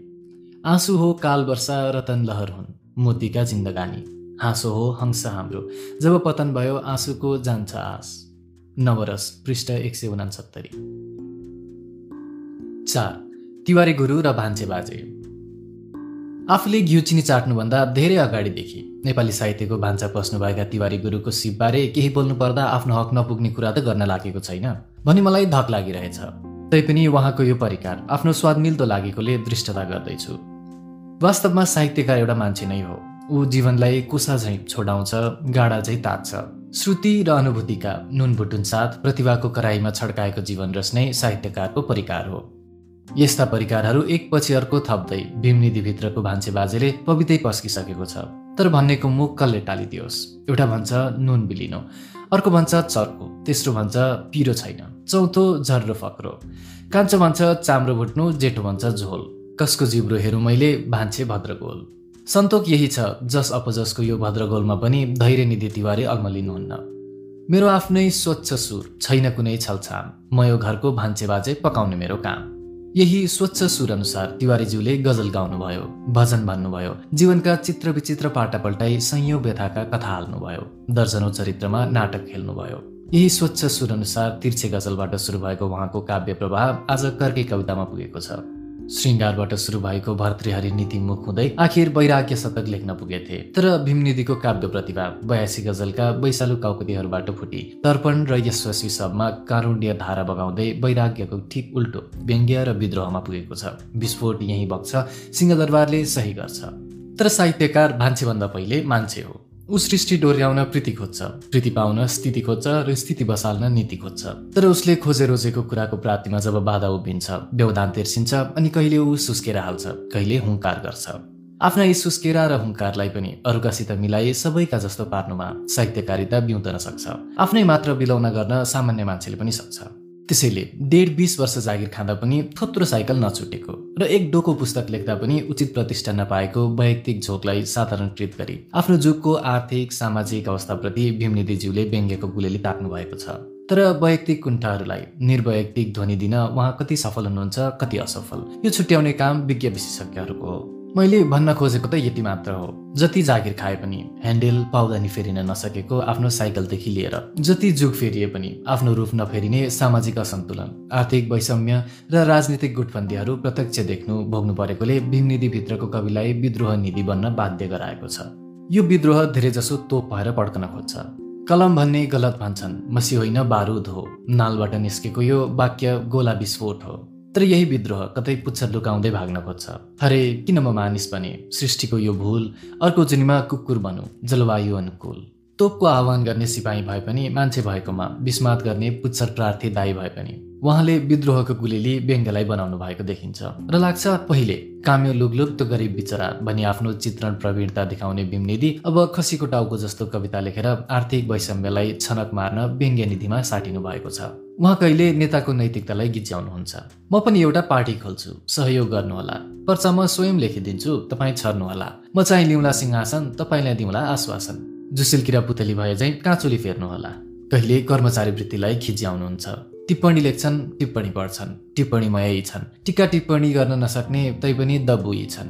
कहिले थोरै उपलब्धिको छेडिक महत्तावासले फुल्ने नेपाली प्रवृत्तिलाई छ्यास्नुहुन्छ। एक झर बर्खे पानीले एउटा सानो कहानीले। मानु राज्य पाए जस्तो भाङबुटी खाए जस्तो। दायाँ बायाँ केही नहेरी ढुङ्गा केही नटेरी। किन भन्छस् बेहोस? जाबो त खहरे होस्। त्यसैले यो प्रश्न छ। तिवारीजीको व्यङ्ग्य देश काल परिस्थिति सापेक्ष हुँदै परिवेशको व्यापकता खोज्न फटफटाएको र जीवन सापेक्ष हुँदै यसका अन्तर्मर्म व्यतह र विरोधाभासहरू छाम्न सकबगाएको देखिन्छ। तापनि समालोचकहरूले खोजे जति व्यापक परिवेश र गहिराई पाउँछन् पाउँदैनन्। यो अहिले मैले भन्न सक्ने कुरा होइन। हामीले भन्न सक्ने त यति मात्र हो। उहाँका व्यङ्ग्य कविताहरू देश काल र स्थितिदेखि निरपेक्ष छैनन्। यसो त व्यङ्ग्य पनि हास्यरसको प्रमुख उत्पादक हो। तर यसको साथै विकृति उक्ति वैचित्र्य बिट अनुकरण क्यारिकेचर प्यारोडी आदि हास्य उत्पादनका धेरै माध्यमहरू छन्। व्यङ्ग्य निधि तिवारीले आफ्नो कतिपय व्यङ्ग्य कवितामा हास्यको जलप लगाउन विभिन्न अनुकूल माध्यमको सहारा लिनुभएको छ। तापनि उक्ति वैचित्र उहाँको विशेषता हो। यसैले मेरी श्रीमती शनिबारको दिन साढे बुबा जिन्दाबाद साझा सेवा भैँसी आदि केही कविता विषयवस्तुको छनौट उपमा र रूपकको अजीबताले विशुद्ध र सफल हास्य कविता भएका छन्। मेरो जीवन बाङ्गो आदिमा हास्य र व्यङ्ग्य दुवैको समन्वय पाइन्छ। तर दोषै खोज्ने हो भने एउटा दुईटा कविता न हास्य न व्यङ्ग्य भई केवल असन्तोकमा अमिलिएर अलपत्रिएका पनि पाइहालान्। हास्य पक्षमा चियाउन खोज्न साथ तिवारीज्यूकी भुवनेश्वरी नाम गरेकी हृदयेश्वरीको याद आउँछ। याद आउन साथ डर लाग्छ। उहाँलाई कुलेश्वरले बगाइदियो भने के गर्ने? त्यसैले त हास्य निधि तिवारी आफ्नो श्रीमतीलाई खाजा खान एउटा बेलीमा दुईजना सती भएर राखिदिनुहुन्छ। हामी हाँस्न थाल्छौँ। मेरी श्रीमती। अर्को कवितामा मध्यम वर्गकी श्रीमतीमा व्याप्तिन पुग्छिन् जसको उपयोगितालाई कतै चना र गम्छाको प्रतीक दिएर रमाइलोसित प्रस्तुत गर्नुहुन्छ। उपमाका च्यान्टे गोरु नारेर हास्यको बाली लहलहाउने उहाँको दक्षता धेरैजसो कवितामा प्रष्टै छ।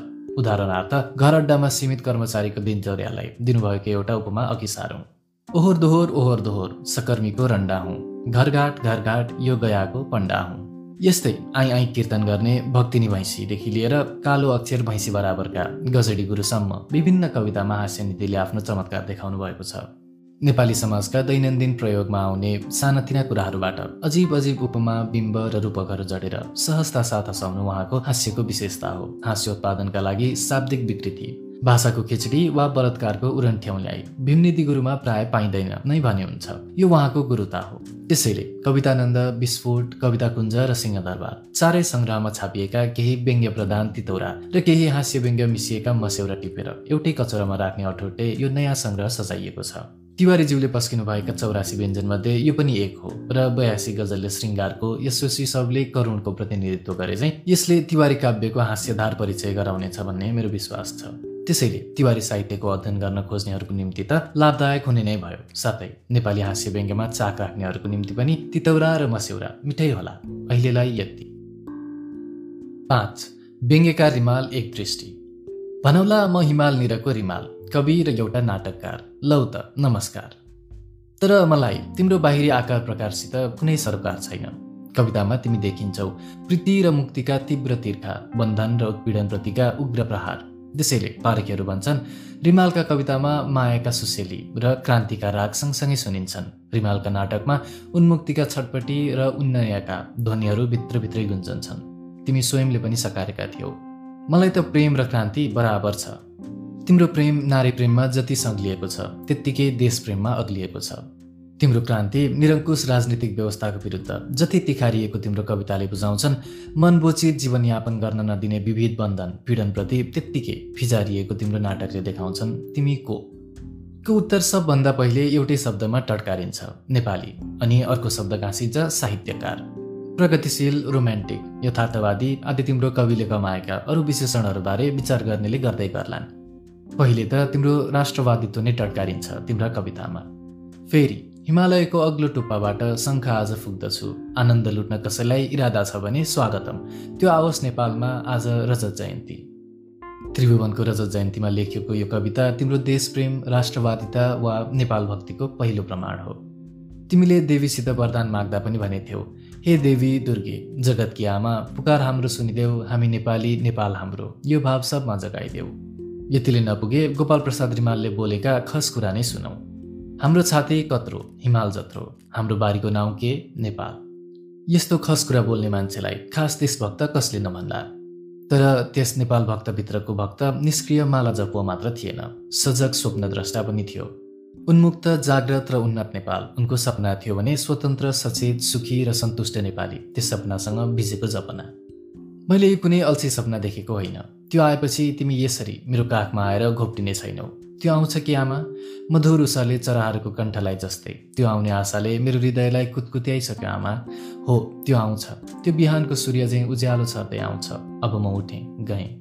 विपनाको हराएको मडी नै सपना न हो भन्ने तिमीले नेपाल आमाको सपना आफ्ना आँखाले देखेका थियौ र सपनामा लेखेका थियौ। तर तिमीले आफ्नो खस कुरामा छनक मारेथ्यौ नि। हाम्रो जुक्ति के? सकेसम्म छलफल अनि छल। आफैले भने चाहिँ गरी तिमीलाई आफ्नो सपनाले छलिदियो आमाको सपनाले छलिदियो। अनि तिमी पनि त्यसै गरी छकियो जसरी छकिन्छन् यहाँका अधिकांश नरपुङ्गहरू जीवनको अघिल्लो आधा स्वप्न डोको बोकेर पछिल्लो आधा थोत्रो डोकोमा आँसु बोकेर त्यही स्वप्नभङ्गको रन्कोमा तिमीले पनि आफूले आफैसँग सोध्यौ तिमी को? यहाँ तिमीलाई यो अलमल नै प्रिय छ यो धर्म नै प्रिय छ तर हामी त्यसोलाई त्यसो भन्न चाहँदैनौ। त्यसो भन्ने तिमी को? साँच्चै। त्यसोलाई त्यसो भन्न नचाहने रिमाल र त्यसोलाई त्यसै भन्ने रिमालको अन्तर्द्वन्द नै बहुल रिमाल त होइन कुन्नी त्यो त तिमी नै जाने। मैले जानेको यति हो। तिमीले जङ्गिँदा पनि नेपाल भक्ति बिर्सेनौ तिम्रो कवि व्यङ्गिँदा पनि यसको उन्नति बिर्सेन। तिमी को? तिम्रो सफल व्यङ्ग्य कविता हो। नेपाली सरदर स्वभावहरू समेटेर तिमीले साँच्चै विस्तो गरी छनक मारेका छौ। यहाँ हामीलाई आफ्नो आवश्यकता नै प्रिय छ। त्यसलाई छोप्ने अहङ्कार नै प्रिय छ। त्यो उदाङ्ग पार्न खोज्ने तिमी को? अर्को शब्दमा जस्तो छ त्यस्तैमा झिङ्गा झैँ टाँसिरहन चाहने अनेक हामी रिमालहरूले कस्तो हुनुपर्छका सचेतक कवि रिमालसित गरेको प्रश्न हो तिमी को? हामीलाई हाम्रो आलस्य नै प्रिय छ दुर्गति नै प्रिय छ यो पसारो नै प्रिय छ उठाउन चाहने तिमी को? स्वप्नभङ्गको झोकमा जङ्गिँदा जङ्गिँदै व्यङ्गिएको यस कविताले तिमी को को जवाफ व्यङ्ग्य कवि भनेर दिउँ कि भने चाहिँ पर्छ। वीरतामा नाम कमाएको नेपाली र आशक्तलाई नै प्रिय ठान्ने नेपालीका बीचको विरोधाभास। आफ्ना दुर्गति र अवनतिको वास्तै नगरी अर्को निम्ति जित लिइदिन जाने लाहुरे नेपाली जीवनको विसङ्गति। असत्यलाई शक्ति आर्जनबाट होइन अहङ्कार प्रदर्शनबाट छोप्न चाहने विडम्बना पराईसँग दारा गिच्याएर क्रान्तिको भ्रान्ति उधारो माग्ने विकृति इत्यादि यस कवितामा चित्रित छन्। आत्मविश्वास आत्मबल जाँगर सुधार र सच्चा अर्थको वीरता आकाङ्क्षाहरू यस कवितामा व्यञ्चित छन्। यहाँ श्रृङ्खला ल्याउन खोज्ने तिमी को भनेर नेपाली जीवनमा बढ्दो विसङ्गतिलाई सहज समृद्ध व्यङ्ग्यवाणले उदिन्ने यस कविताले कविमा निहित व्यङ्ग्य कलाको छनक मात्र राम्ररी दिएको छैन। साथै नेपाली व्यङ्ग्य काव्यमा पनि एउटा चिल्लो पात थपेको छ। तिमी को का कविले हानेका व्यङ्ग्य बाणहरू नदुखाउने तर पेटका किरा मार्ने गरी लाग्छन्। उदाहरणको निम्ति आसामतिर गएको बेला त्यहाँ पशुपालन व्यवसाय गरी बसेका नेपालीहरूलाई उनी सोध्छन् नेपाली तिमी यहाँ किन आयो? गोर्खाली हौ। गो रक्षाको भार बढ्दै बढ्दै आयौ। शब्द र अर्थ। दुवैको संयुक्त वैचित्र्य साथ व्यक्त यी पङ्क्तिले व्यङ्ग्यसहित हास्यको पनि सिर्जना गर्छन्। शब्द वैचित्र्य मात्रै त अन्त पनि पाइन्छ। सङ्क्रान्ति र महिनौ महिनौ भइरहेछ। मलाई त क्रान्तिसित खेल्ने बानी छ। मसान नाटकद्वारा कामुक प्रेमलाई र यो प्रेम नाटकद्वारा भावुक प्रेमलाई व्यङ्ग्य गर्ने तिमीको का तिमीले दुवै नाटकमा यस्ता उक्ति वैचित्र्य र ठट्टाहरू बराबर गरेका छौ? कतिपय प्रसङ्गमा तिमीले उपमाबाटै आफ्नो ठुलो काम सकेका छौ। रात अज्ञान चाहिँ अध्यारो थियो। स्वार्थ जस्तै चिसो बतासको हुरी थियो। अहङ्कार चाहिँ मे गर्जिरहेको थियो। यहाँ तिमीले अज्ञान दुर्बलता स्वार्थ अहङ्कार र सङ्कीर्ण पाशविकताको धज्जी उडाएका छौ। यिनै गज्याङगुजुङबाट उन्मुक्त मान्छे नै सायद तिमी को को तिमी हो र तिमीद्वारा आहुत आवाहित र आग्रहित मान्छे पनि उही हो। कसो? छ। खरदार बाजे र इतिहासको ठेली। काठमाडौँमा आयोजित कतिपय सभागोष्ठीहरूमा प्राय एउटा केटाको कुमलाई समाउँदै भित्र पस्ने एकजना लामो कोट लगाएका वयोवृद्ध व्यक्तिलाई देख्दा हमेसी कुनै पनि नचिनेको मान्छेले अनुमान गर्न सक्दैन। त्यस चच्चुहीन व्यक्तित्वभित्र एउटा यस्तो दिव्य चच्चु पनि छ जसको अघिल्तिर नेपालको लामो लामो अतीत चलचित्र चाहिँ छर्लङ छर्लङ भई नाचिरहेको हुन्छ। बुढा पुरानाहरू उहाँलाई खरदार बाजे भनी सम्बोधन गर्छन्। तर उन्नाइस सय सडसठी सालमा खरदारमा नियुक्त भएर उहाँकै भाइअनुसार चुक्ली चाकरी नगरे बापत तिन जुगको सेवामा पनि खरदारभन्दा माथि उक्लन नसकी खरदारैबाट साठी वर्ष लागेका खरदार बाजेको व्यक्तित्वको मूल्याङ्कन खरदारत्वले मात्र गर्न खोज्नु महाकवि देवकोटालाई मास्टर बाजे भन्नु जस्तै हो। नेपाल लामाका केही साधनाशील छोराहरूको गणनामा नहिचकिचाइकन नाम लिन सकिने ती खरदार बाजेको वास्तविक व्यक्तित्व। सम्बत उन्नाइस सय छिहत्तर सालदेखि निर्विच्छिन्न रूपमा उहाँले गर्दै आउनुभएको ऐतिहासिक अन्वेषण अनुसन्धान र तत्सम्बन्धी अनेकन लेखमाला पढेर मात्र राम्ररी चिन्न सकिन्छ। तर जहानीय तन्त्रको रचाइ छौन्जेल अरू साधनाशील प्रतिभाहरू चाहिँ खरदार बाजेभित्रको इतिहासकार पनि कौडीको भावमा मिल्किएको मणि जस्तै हुनु अस्वाभाविक थिएन। त्यसैले कसैलाई चिन्ने र चिनाउने जरुरत त्यसबेला कसले सम्झन्थ्यो र तर एक दिन यहाँ पनि प्रजातन्त्रको घाम लाग्यो। प्रतिभा र साधना छ भने भाइ मात्र होइन साधारण प्रजाका छोराहरूले पनि सम्मानको सौभाग्य पाउन थाले। यही क्रममा राष्ट्रपिता श्रीपास त्रिभुवनबाट लेखनाथज्यूलाई कवि शिरोमणिको उपाधि बक्स्यो भने हाम्रो खरदार बाजेलाई पनि उहाँको ज्ञान र देन अनुकूल इतिहास शिरोमणिको उपाधिले विभूषित गरी बक्स्यो। तर सफलताको यो स्याबासी पाउनुभन्दा एक वर्ष अघि नै निरन्तर शिलापत्र र सन्धिपत्रका अक्षर कोट्याउँदा कोट्याउँदै उहाँले आफ्नो आँखाको ज्योति गुमाइसक्नु भएको थियो। उहाँकै भाइअनुसार उन्नाइस सय उनान्से सालदेखि कमजोर हुँदै गएको उहाँको आँखाको ज्योति दुई हजार सात सालदेखि निष्पष्टै भयो। पहिलेदेखिको विलक्षण स्मरण शक्तिमा मानव दृश्य शक्ति पनि गएर गाभियो। सायद यसैले होला हामी उमेरदारहरूलाई तिन दिनको घटना पनि राम्ररी सम्झन धौ धौ पर्दछ। तर उहाँ सयौँ वर्षका घटनाक्रम तिथि तथ्य र तथ्याङ्कसहित बेली विस्तार लगाउनुहुन्छ। अब पाठक स्वयं चिन्नुहुन्छ। यही निर्विचिन्न अनुसन्धान असाधारण स्मरण शक्ति र अगाध ऐतिहासिक ज्ञानले खरेको प्राचीन आचार्यलाई बिर्साउने यी इतिहास आचार्यको नाम हो बाबुराम आचार्य। यो हाम्रो अत्युक्ति होइन। हामीले भन्दा राम्ररी उहाँलाई विदेशका पारखीहरूले चिनेका छन्। उदाहरणका लागि पाँच फेब्रुअरी उन्नाइस सय एकसट्ठीका दिन दि इलिस्ट्रेट विकली अफ इन्डियामा एसके अग्रवालले लेखेका केही पङ्क्तिहरू यहाँ उद्धरण गर्नु अप्रासङ्गिक नहोला। उनी लेख्छन् विगत दस वर्षदेखि नेत्रबन्द भएका आचार्यज्यूमा हाल बहत्तर वर्षको उमेरमा पनि हिन्दू आचार्यहरूको सही परम्परा अनुकूल एउटा विलक्षण स्मरण शक्ति छ।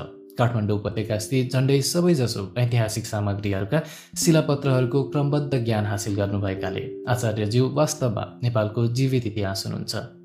परिचयको अन्त्यमा फेरि उनी लेख्दछन् बाबुराम आचार्यज्यूमा नेपालले आफ्नो इतिहासको हरेक पक्षको एक जीवित ज्ञानकोष पाएको छ। उहाँ इतिहासलाई केवल राजनीतिक तिथि र घटनाहरूको फिहरिस्तको रूपमा मात्र नमानी। यसलाई मुलुकको सांस्कृतिक र आर्थिक विकासको अभिलेखको रूपमा लिनुहुन्छ।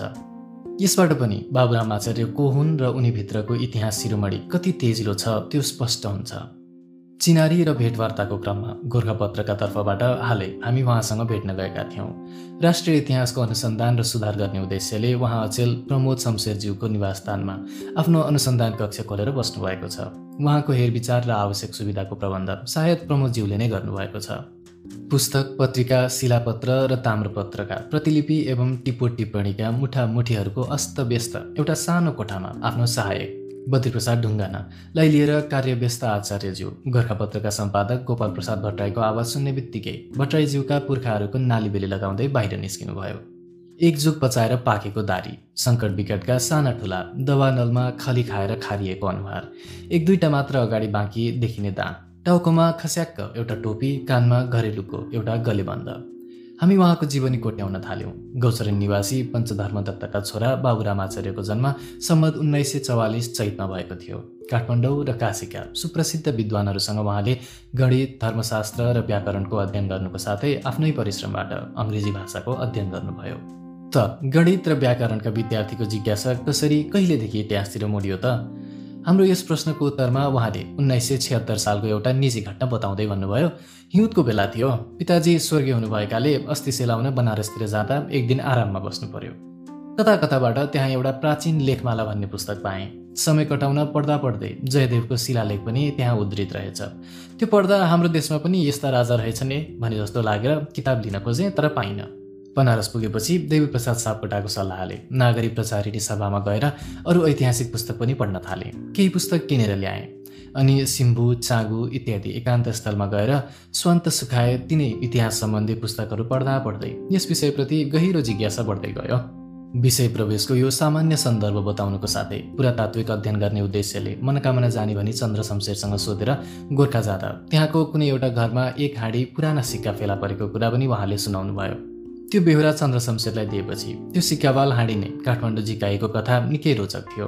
प्रधानमन्त्री भीम शमशेरको पालादेखि बाबुराम आचार्यलाई ऐतिहासिक अनुसन्धान गर्न बाधै बाधादेखि सुविधा केही मिलेन। कुनै ऐतिहासिक पुस्तकको संशोधन गर्ने सन्दर्भमा हनुमान ढोकामा अध्ययन गर्न जान पनि बल्ल बल्ल उहाँले अनुमति पाउनुभयो। कैयौँ पटक उहाँको पछाडि के के न गर्न लागेको भने सिआइडी पनि छोडिए।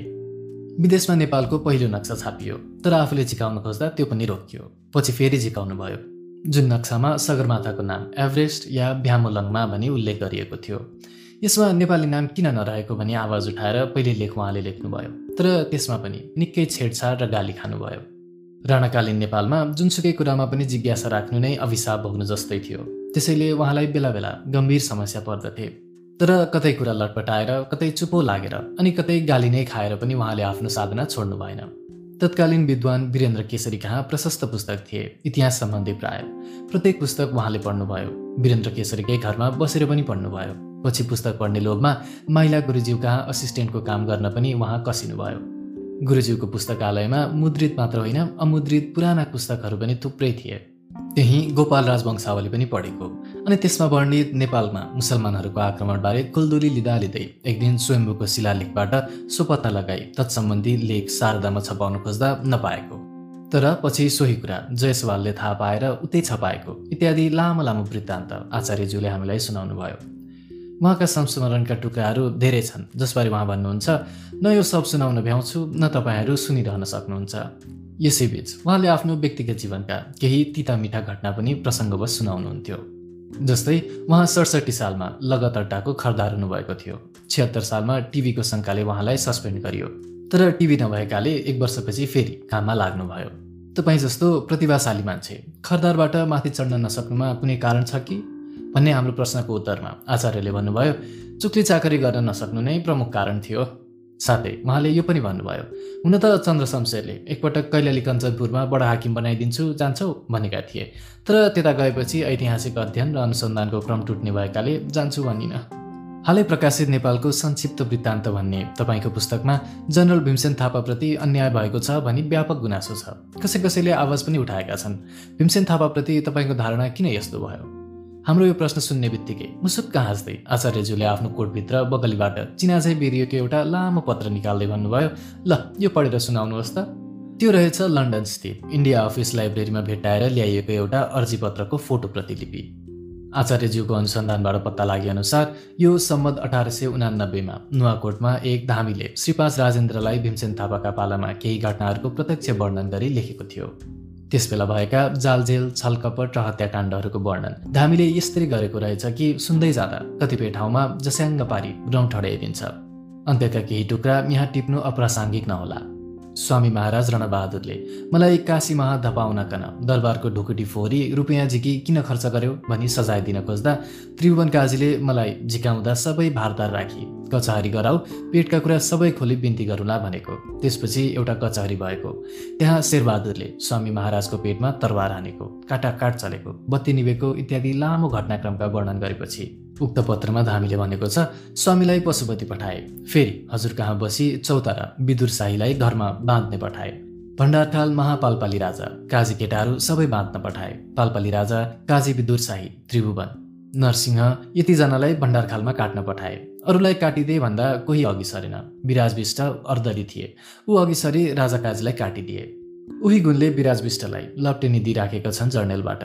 उपरान्त भोलिबेर शेरबहादुरका विदुर साईका त्रिभुवनका नरसिंहका केटाकेटी सबै समाउन पठाए। उपल्लो पन्ध्र वर्षका तल्लो दुई वर्षका छोरा सबै काटिदिए।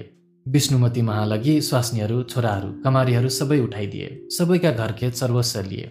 पालपाली राजाका केटाहरू अठारजना सहरभित्रका बारीमाहा काटिदिए। जर्नेलबाट कामकाज गर्न लागेदेखि निसाब केही छैन। रुपियाँ मात्र धेरै लिन्छन्। घुस पनि धेरै खान लागे। अघि घुस खाने दस्तुर थिएन। अचेल सबै भारदारहरू घुस खान लागिरहेछन्। पुराना भारदार भए जर्नेल बाँच्न कहाँ पाउँथे? मारिदिन्थे। आजकलका भारदार सबै जर्नेलले बनाएका सबै केटाकेटी भारदार छन्। बुद्धि कसैको छैन। नेपाल खानु सहजै छ। धामीको लामो चिठी सुनिसकेपछि हामीले सोध्यौँ यो धामी जनरल थापादेखि असन्तुष्ट रहेको हुन सक्दछ? व्यक्तिगत असन्तुष्टि वा रिसको कारण भए नभएका चुक्ली राजालाई सुनाई प्रतिशोध लिने भावनाले यो लेखिएको पनि हुन सक्दछ?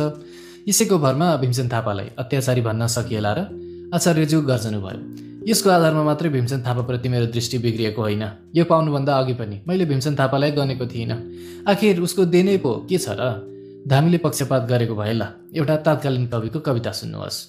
उहाँले राहुल साकृत्यायनको हिमालय दर्शन भन्ने पुस्तक मगाएर फलानु पातामा हेर भन्नुभयो। त्यहाँ एकजना सायद गढवालका कवि भोलारामका केही दोहाहरू उद्धृत गरिएका रहेछन्। जसमा भीमसेन थापाकालीन नेपालको राजनीतिक सामाजिक र आर्थिक अवस्थाका एक पतोन्मुख झलक दिइएको छ। एसियामा बढ्दो साम्राज्यवादी शक्तिदेखि नेपालीलाई बिटुलिन नदिने र उपनिवेशवाद विरुद्ध एसियाली एकताको आह्वान गर्ने भनिएका भीमसेन थापालाई उनका उल्लेखनीय देन के छ र भनी होच्याउनु युक्तिसङ्गत होला र हाम्रो यस प्रश्नको जवाफ आचार्यज्यूले भीमसेन थापाको पालाको दरबारी षड्यन्त्र आन्तरिक हत्या हपहत्याहरू देशका केही भाग टुक्रिएका घटनाहरू र साम्राज्यवाद विरोधी भन्दा भन्दै कसरी साम्राज्यवादीसित हात मिलाएर नेपालमा ब्रिटिस फौज पसाए इत्यादिको लम्बे विवेचना गर्दै भन्नुभयो। साम्राज्यवाददेखि देशलाई जोगाउने केही जस दिने हो भने भीमसेन थापाको भन्दा बढी जस जङ्गबहादुरलाई दिनुपर्छ। इतिहास शिरोमणिसित इतिहासमै शास्त्रार्थ गर्न। न हाम्रा सामान्य ज्ञानले भ्याउँथ्यो न शास्त्रार्थ गर्ने हाम्रो उद्देश्य थियो। हामी त उहाँको सामान्य धारणा मात्र बुझ्न चाहन्थ्यौँ। सबुत प्रमाण साथ उहाँसित छलफल गरी भीमसेन थापाप्रतिको सामान्य धारणा धेरै मात्रामा अन्धविश्वास जनित हो वा उहाँले थापामाथि अन्याय गर्नुभएको हो। त्यो निर्णय गर्ने जिम्मा इतिहासज्ञहरूकै जिम्मा छ। हामीले उहाँसँग सोध्यौँ त्यसो भए भारतमा विभिन्न विदेशी शक्तिहरूले पटक पटक आक्रमण र रजाइ गर्दा नेपालले आफ्नो सार्वभौमिक स्वतन्त्रता जोगाइराख्नुमा हाम्रो प्रमुख बल के थियो त? यसमा पृथ्वीनारायण शाहको हात बाहेक कुनै व्यक्तिको केही देन थिएन। भन्दै उहाँले भन्नुभयो यो जोगिनीमा एउटा हाम्रो दुर्गम भौगोलिक स्थिति र दोस्रो चिन र भारतको माझमा रहनु नै हाम्रो प्रमुख बल थियो। यसमा भीमसेन थापा वा अरू कुनै पनि व्यक्तिको देन छैन। त तपाईँ नेपालको इतिहासमा स्वर्णिमकाल कुन समयलाई मान्नुहुन्छ? उहाँले पृथ्वीनारायण शाहदेखि बहादुर शाहसम्मको पचास वर्षको विवेचना गर्दै सङ्गठन सुदृढीकरण र निर्माण सबै दृष्टिबाट त्यसबेला जे जति भयो त्यति फेरि कहिल्यै हुन सकेन भनी राष्ट्रिय इतिहासको स्वर्णिम काल त्यही पचास वर्ष हो भनी किट्नुभयो। अहिलेसम्म लेखिएका इतिहास प्राय राजनीतिक दृष्टिकोणले मात्र लेखिएका छन्। यहाँको सामाजिक र आर्थिक इतिहासतिर ध्यान दिने हो भने हाम्रो इतिहास अधुरो हुनेछ। त्यसैले बाचुन्जेल आफूले सक्दो सेवा सत्यको अन्वेषणतिर र राष्ट्रिय इतिहासतिर समर्पण गर्ने मैले सङ्कल्प गरेको छु। तर भूमि सुधार गर्न जे जति समस्या परेको छ त्यसभन्दा बढी इतिहास सुधार गर्ने क्रममा हामीले झेल्नु परेको छ भनी उहाँ भन्दै हुनुहुन्थ्यो। सायद यही क्रममा निस्केको नेपालको संक्षिप्त वृत्तान्त खण्ड एक उहाँको इतिहास सम्बन्धको पहिलो पुस्तकाकार कृति हो। यहाँ भने पहिले पुस्तकाकारमा उहाँका दुई कृति प्रकाशित छन् पुराना कवि र कविता अनि तुलनात्मक सुन्दरकाण्ड। नेपालको संक्षिप्त वृत्तान्तमा धेरै तिथिमिति फरक परेको छ भने हालै पूर्णिमामा नयराज पन्तले लेख्नुभएको एक चिठीतिर हामीले ध्यान आकर्षित गराउँदा इतिहास शिरोमणिज्यूले भन्नुभयो पृथ्वीनारायण शाहको निधन भएको मितिमा एक दिन फरक परेछ। त्यो मेरो भुलै हो। तर नयराजजीले भन्नुभएका अरू दुई मितिमा सायद उहाँ नै भुलमा हुनुहुन्छ। यसै प्रसङ्गमा आफ्नो पुस्तकमा इस्वी सम्मत प्रयोग गर्नुको कारण विश्व इतिहासको सन्दर्भमा हाम्रो इतिहासको अध्ययन गर्न स्वदेशी विदेशी सबैलाई सजिलो होस् भन्ने हो भनी बताउनुभयो। अनि हाम्रो एक प्रश्नको उत्तरमा जहानीय तन्त्रको लामो अवधि स्वयंदेखि बोगी आउनुभएका इतिहास शिरोमणिज्यूले दुई हजार सात सालको क्रान्तिलाई राष्ट्रिय र अन्तर्राष्ट्रिय दुवै दृष्टिले अनिवार्य आवश्यक विषय थियो भन्नुभयो। उहाँको विचारअनुसार परिवर्तित विश्व समस्या बुझ्न नसक्नु नै राणाहरूको पतनको कारण थियो।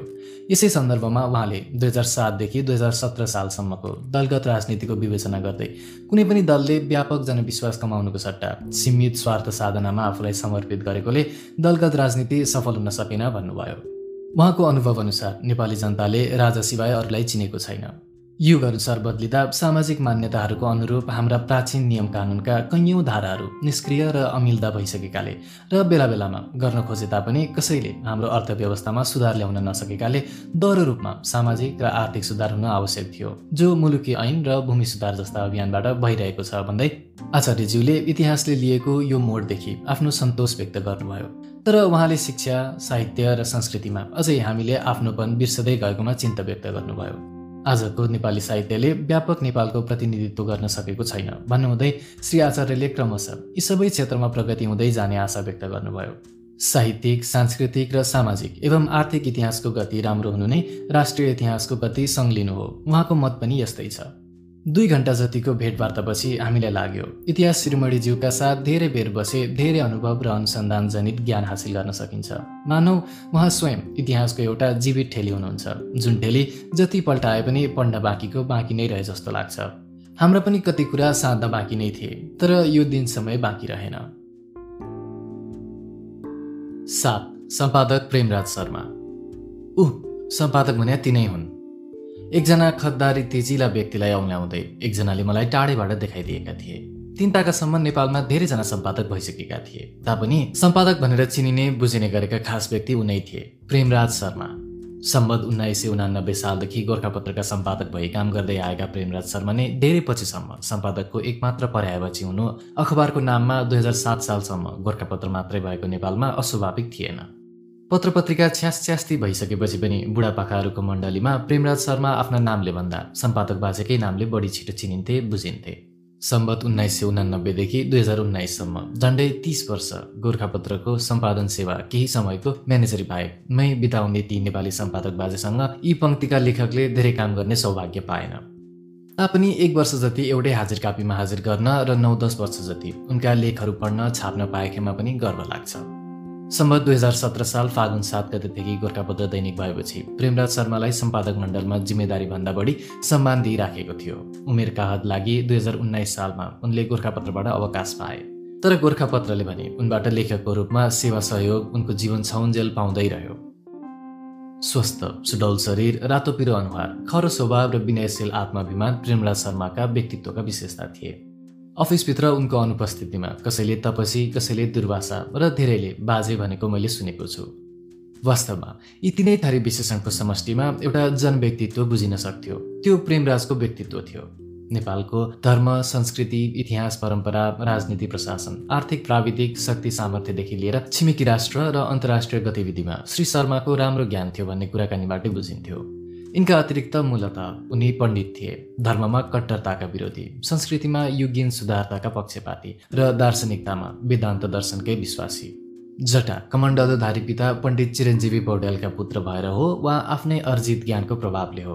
प्रेमराज शर्मालाई केही समय तापसी जीवनले पनि आकृष्ट गरेको थियो। तर एकातिर तपस्वीको अनुभव खोज्न हिँड्ने प्रेमराज शर्मा अर्कातिर व्यवहार निपुण र व्यावसायिक चाकका मान्छे पनि थिए। मौरी पालन विधि र होमियोप्याथीमा उनले लिएको अभिरुचि पनि यसका प्रमाण हुन्। व्यवहारपटु नहुँदा हुन त राणाकालीन व्यवस्थादेखि पञ्चायती व्यवस्थासम्म ससम्मान आफ्नो दायित्व वहनमा सफलता प्राप्त गरिरहन उनलाई मुस्किलै पर्दो हो। सारांशमा भन्ने हो भने उनलाई स्वाभिमान साधना र सावधानी तिनै गुणले खारेका मान्छे थिए भन्न सकिन्छ। कलममा मात्र होइन जीवनका विविध पक्षमा उनलाई आफ्ना यिनै गुणहरूले उठाएका थिए भन्ने मलाई लाग्छ। उनीसँग लामो समयसम्म काम गर्ने सहयोगीहरूको अनुभव सुन्दा उनी राणाकालीन सङ्कीर्णताका बीच पनि निर्भीक खरा चङ्ख र मेहनती व्यक्ति थिए भन्ने बुझिन्छ। सम्पादक बाजेकै तालिममा परेर म यत्तिको भएको हुँ भन्ने सम्पादक एवं कर्मचारीहरू अझै गोर्खापत्र संस्थान लगायत धेरैतिर छरिएका छन्। कतिजना भन्छन् सहयोगीहरूलाई जोगाउनु परेको ठाउँमा टाउको थापी जोगाउने बाटो छाडीमा दुर्वा साँचै रिसले बौलाउने र सकेसम्म सबैमा दक्षता बढाउने सुविधा पुर्याउने उनको प्रवृत्ति थियो। तिस वर्षसम्म गोर्खापत्रमा दिनौँ जस्तो केही न केही लेखियो। तर लेखियो गयो। देखिने कुरा त यिनै दुई चारवटा पुस्तक नै भए। कुरा कुरैमा एक दिन उनले भनेका थिए हुन पनि तिस वर्षसम्म प्रेमराज शर्माले के लेखेनन्? सम्पादकीय लेख समाचार चिठी इत्यादि अखबारका कुनै पनि विधाको माध्यम जुन बेला जे जस्तो लेख्नुपर्छ उनले लेखे। साहित्य लेखे दर्शन लेखे संस्कृति लेखे राजनीति लेखे। राणाकालका वरिष्ठ बुद्धिजीवी भएकाले अखबारी लेखन र साहित्यिक लेखन जस्ता प्रकाशकीय लेखन बाहेक पनि उनले थुप्रै आवेदन प्रतिवेदन जाहेरी मस्यौदा भाषण इस्तिहार कुन्नी के के पनि लेखे हुनन्। लेख्नुभन्दा बढी जाँचे सच्याए। कतिलाई लेखक बनाए कतिलाई पत्रकार बनाए। गोर्खापत्रका कर्मचारीहरूलाई मात्र होइन र स्वयं गोर्खापत्रलाई पनि उनले पटक पटक सङ्कटबाट उतारे। गोर्खापत्रले अर्धसाप्ताहिक र द्वदैनिक रूप उनकै सम्पादकत्वमा लिएको थियो। नब्बे सालको भुइँचालो सन्तानब्बेको शहीद पर्व। दुई हजार सातको जनक्रान्ति दुई हजार पन्ध्रको आम चुनाव जस्ता घटना गोर्खापत्रका सम्पादकको निम्ति सजिला थिएनन्। जुन उनैका पालोमा परेका थिए। त्यसैले गोर्खापत्र भन्छ एक कठिन कठोर र प्रतिकूल परिस्थितिमा पत्रकारको धर्म र दायित्वलाई असिधारमा अडेजै गरी उहाँले पुरा गर्नुभएको छ। दुई हजार अठाइस सालमा प्रेमराज शर्माको निधन हुँदा गोर्खापत्रले उक्त उद्गारका साथ नेपाली पत्रकारिताको इतिहासको एक परिच्छेद पुरा भएको ठानेको थियो। नठानुस् पनि किन? धेरै वर्षसम्म नेपालमा पत्रकारिताको शिक्षालय र प्रयोगालय दुवैको काम गोर्खापत्रले गरेको थियो। प्रशिक्षक र प्रयोगताका अग्रणी प्रेमराज रहेका थिए। कुनै विश्वविद्यालयबाट पत्रकारितामा दीक्षा नपाए पनि प्रेमराज गर्दै सिक्दै पत्रकार बन्न र गराउँदै सिकाउँदै पत्रकार बनाउन सफल व्यक्ति हुन्। तर गोर्खापत्रले प्रेमराजप्रति जतिसुकै निष्पक्ष शब्द प्रकट गरे पनि गोर्खापत्रसितको उनको तीन पुस्ते संलग्नताले ममताको अत्युक्ति बनाइदिन सक्छ।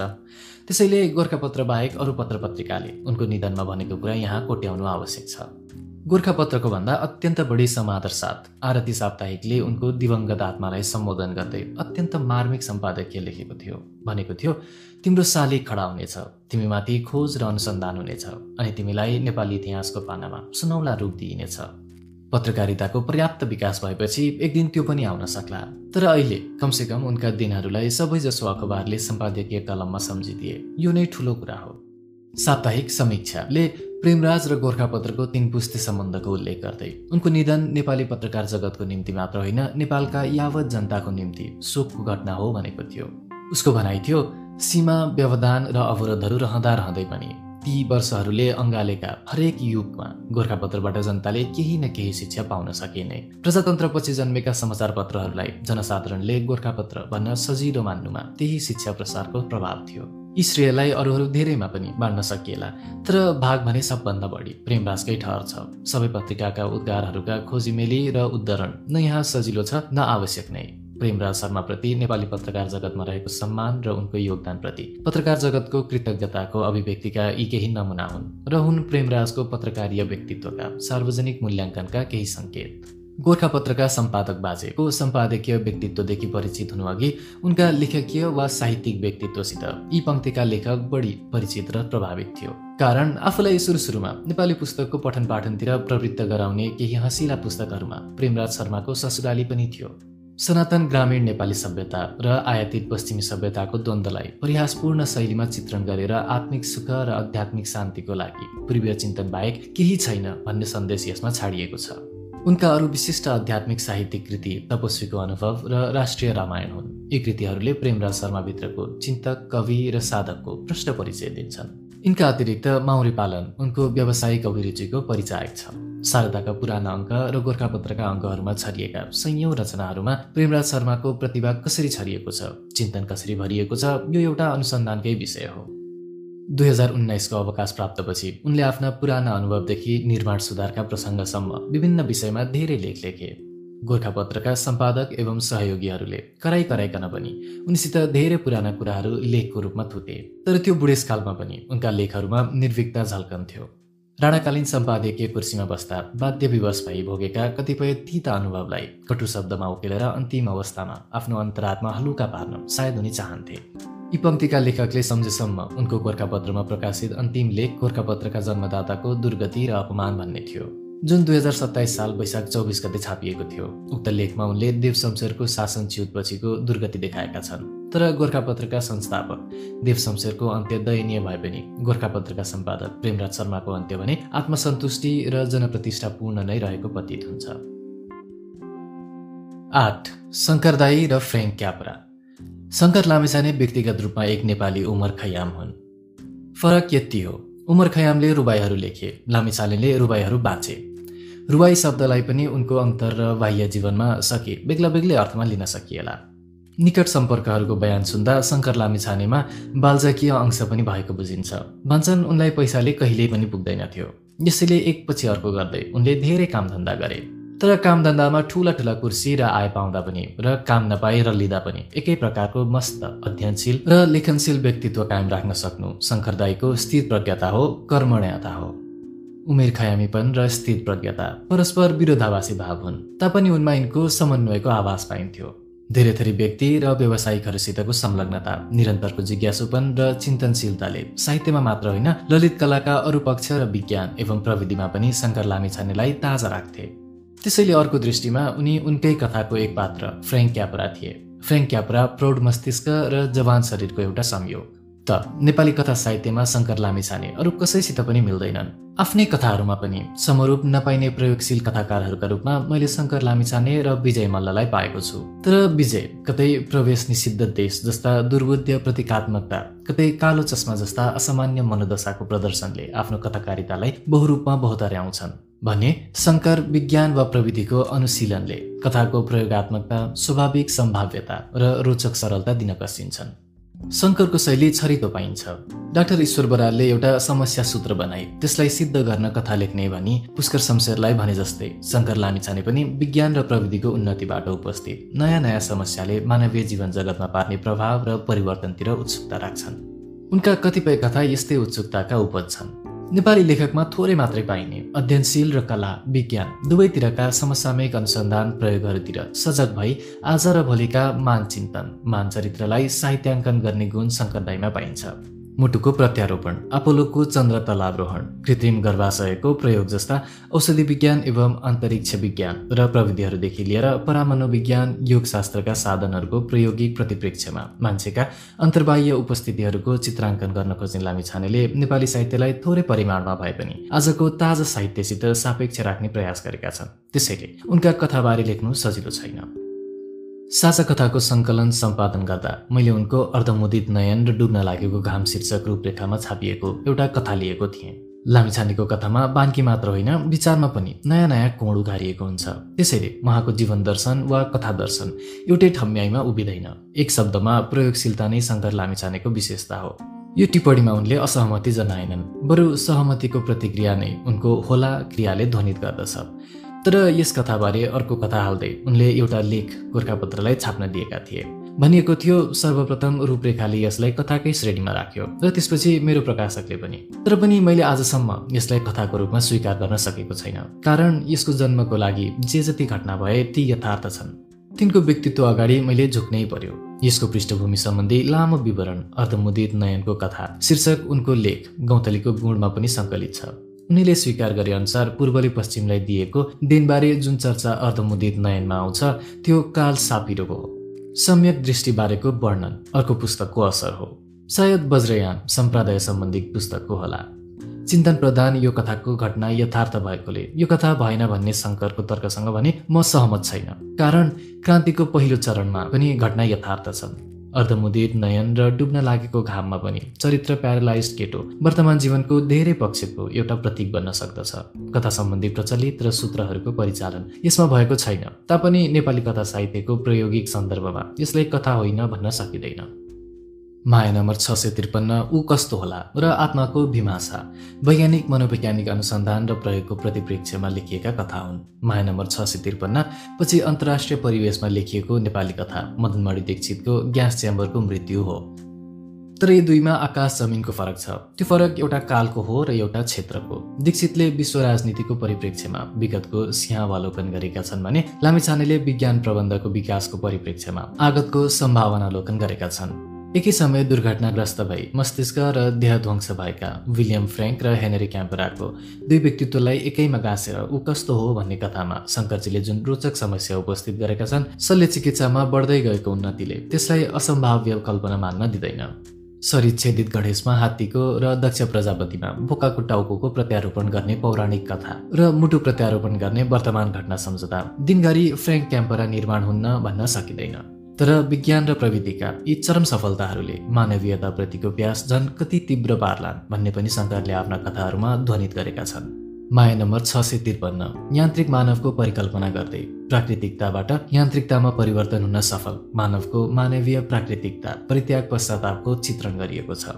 यान्त्रिकताको चरम उन्नतिले अत्यन्त सुविधा सम्पन्न हुन पुगेको समाजमा मानवीयताप्रतिको प्यासले छटपटिएको मानवत्वमा माया नम्बर छ सय त्रिपन्नको नामले परिकल्पित छ। यी दुईभन्दा अझ बढी सशक्त रोचक र गहन कथाको प्रयोग शङ्करले आध्यात्मिकता र मनोविज्ञानको समन्वयात्मक परिप्रेक्ष्यमा गरेका छन्। आत्माको भिमासा ट्रान्सेन्डेन्टल मेडिटेसन वा समाधि राजयोग वा एकाग्र ध्यान जुनसुकै शब्द लिए पनि मान्छेका व्यापक र अनिर्वचनीय आत्मसत्ताको असीमित शक्तिको खोजीमा ज्ञान र विज्ञान दुवै संलग्न छन् असामान्य र परमनोविज्ञानका एकपछि अर्का आविष्कारहरू आज चमत्कारका विषय भएका छन् भने पूर्वजन्मका सम्झना देह परिवर्तन र कायान्तर आवागमनका कथाहरू हामी पूर्वीयहरूका निम्ति नौला छैनन्। यस परिप्रेक्ष्यमा हेर्दा शङ्करको आत्माको भिमासा कथालाई फ्यान्टास्टिक मान्न कुनै हालतमा सकिन्न। शङ्करले यो कथा लेखेर आफ्नो मनोवैज्ञानिक अध्ययनको मात्र परिचय नदिई आत्मतत्वप्रतिको आफ्नो दृढ संस्कार वा आस्थाको पनि अभिव्यञ्जना गरेका छन्। मानु उनको अन्त्य पनि डाक्टर सिन्डर्सको जस्तै आत्मतत्वको रहस्य सागरमा पौडी खेल्न त भएको होइन। किनभने बाचुन्जेल उनले जीवनकै प्याज छोडाइरहेको हामीले पढेका थियौँ।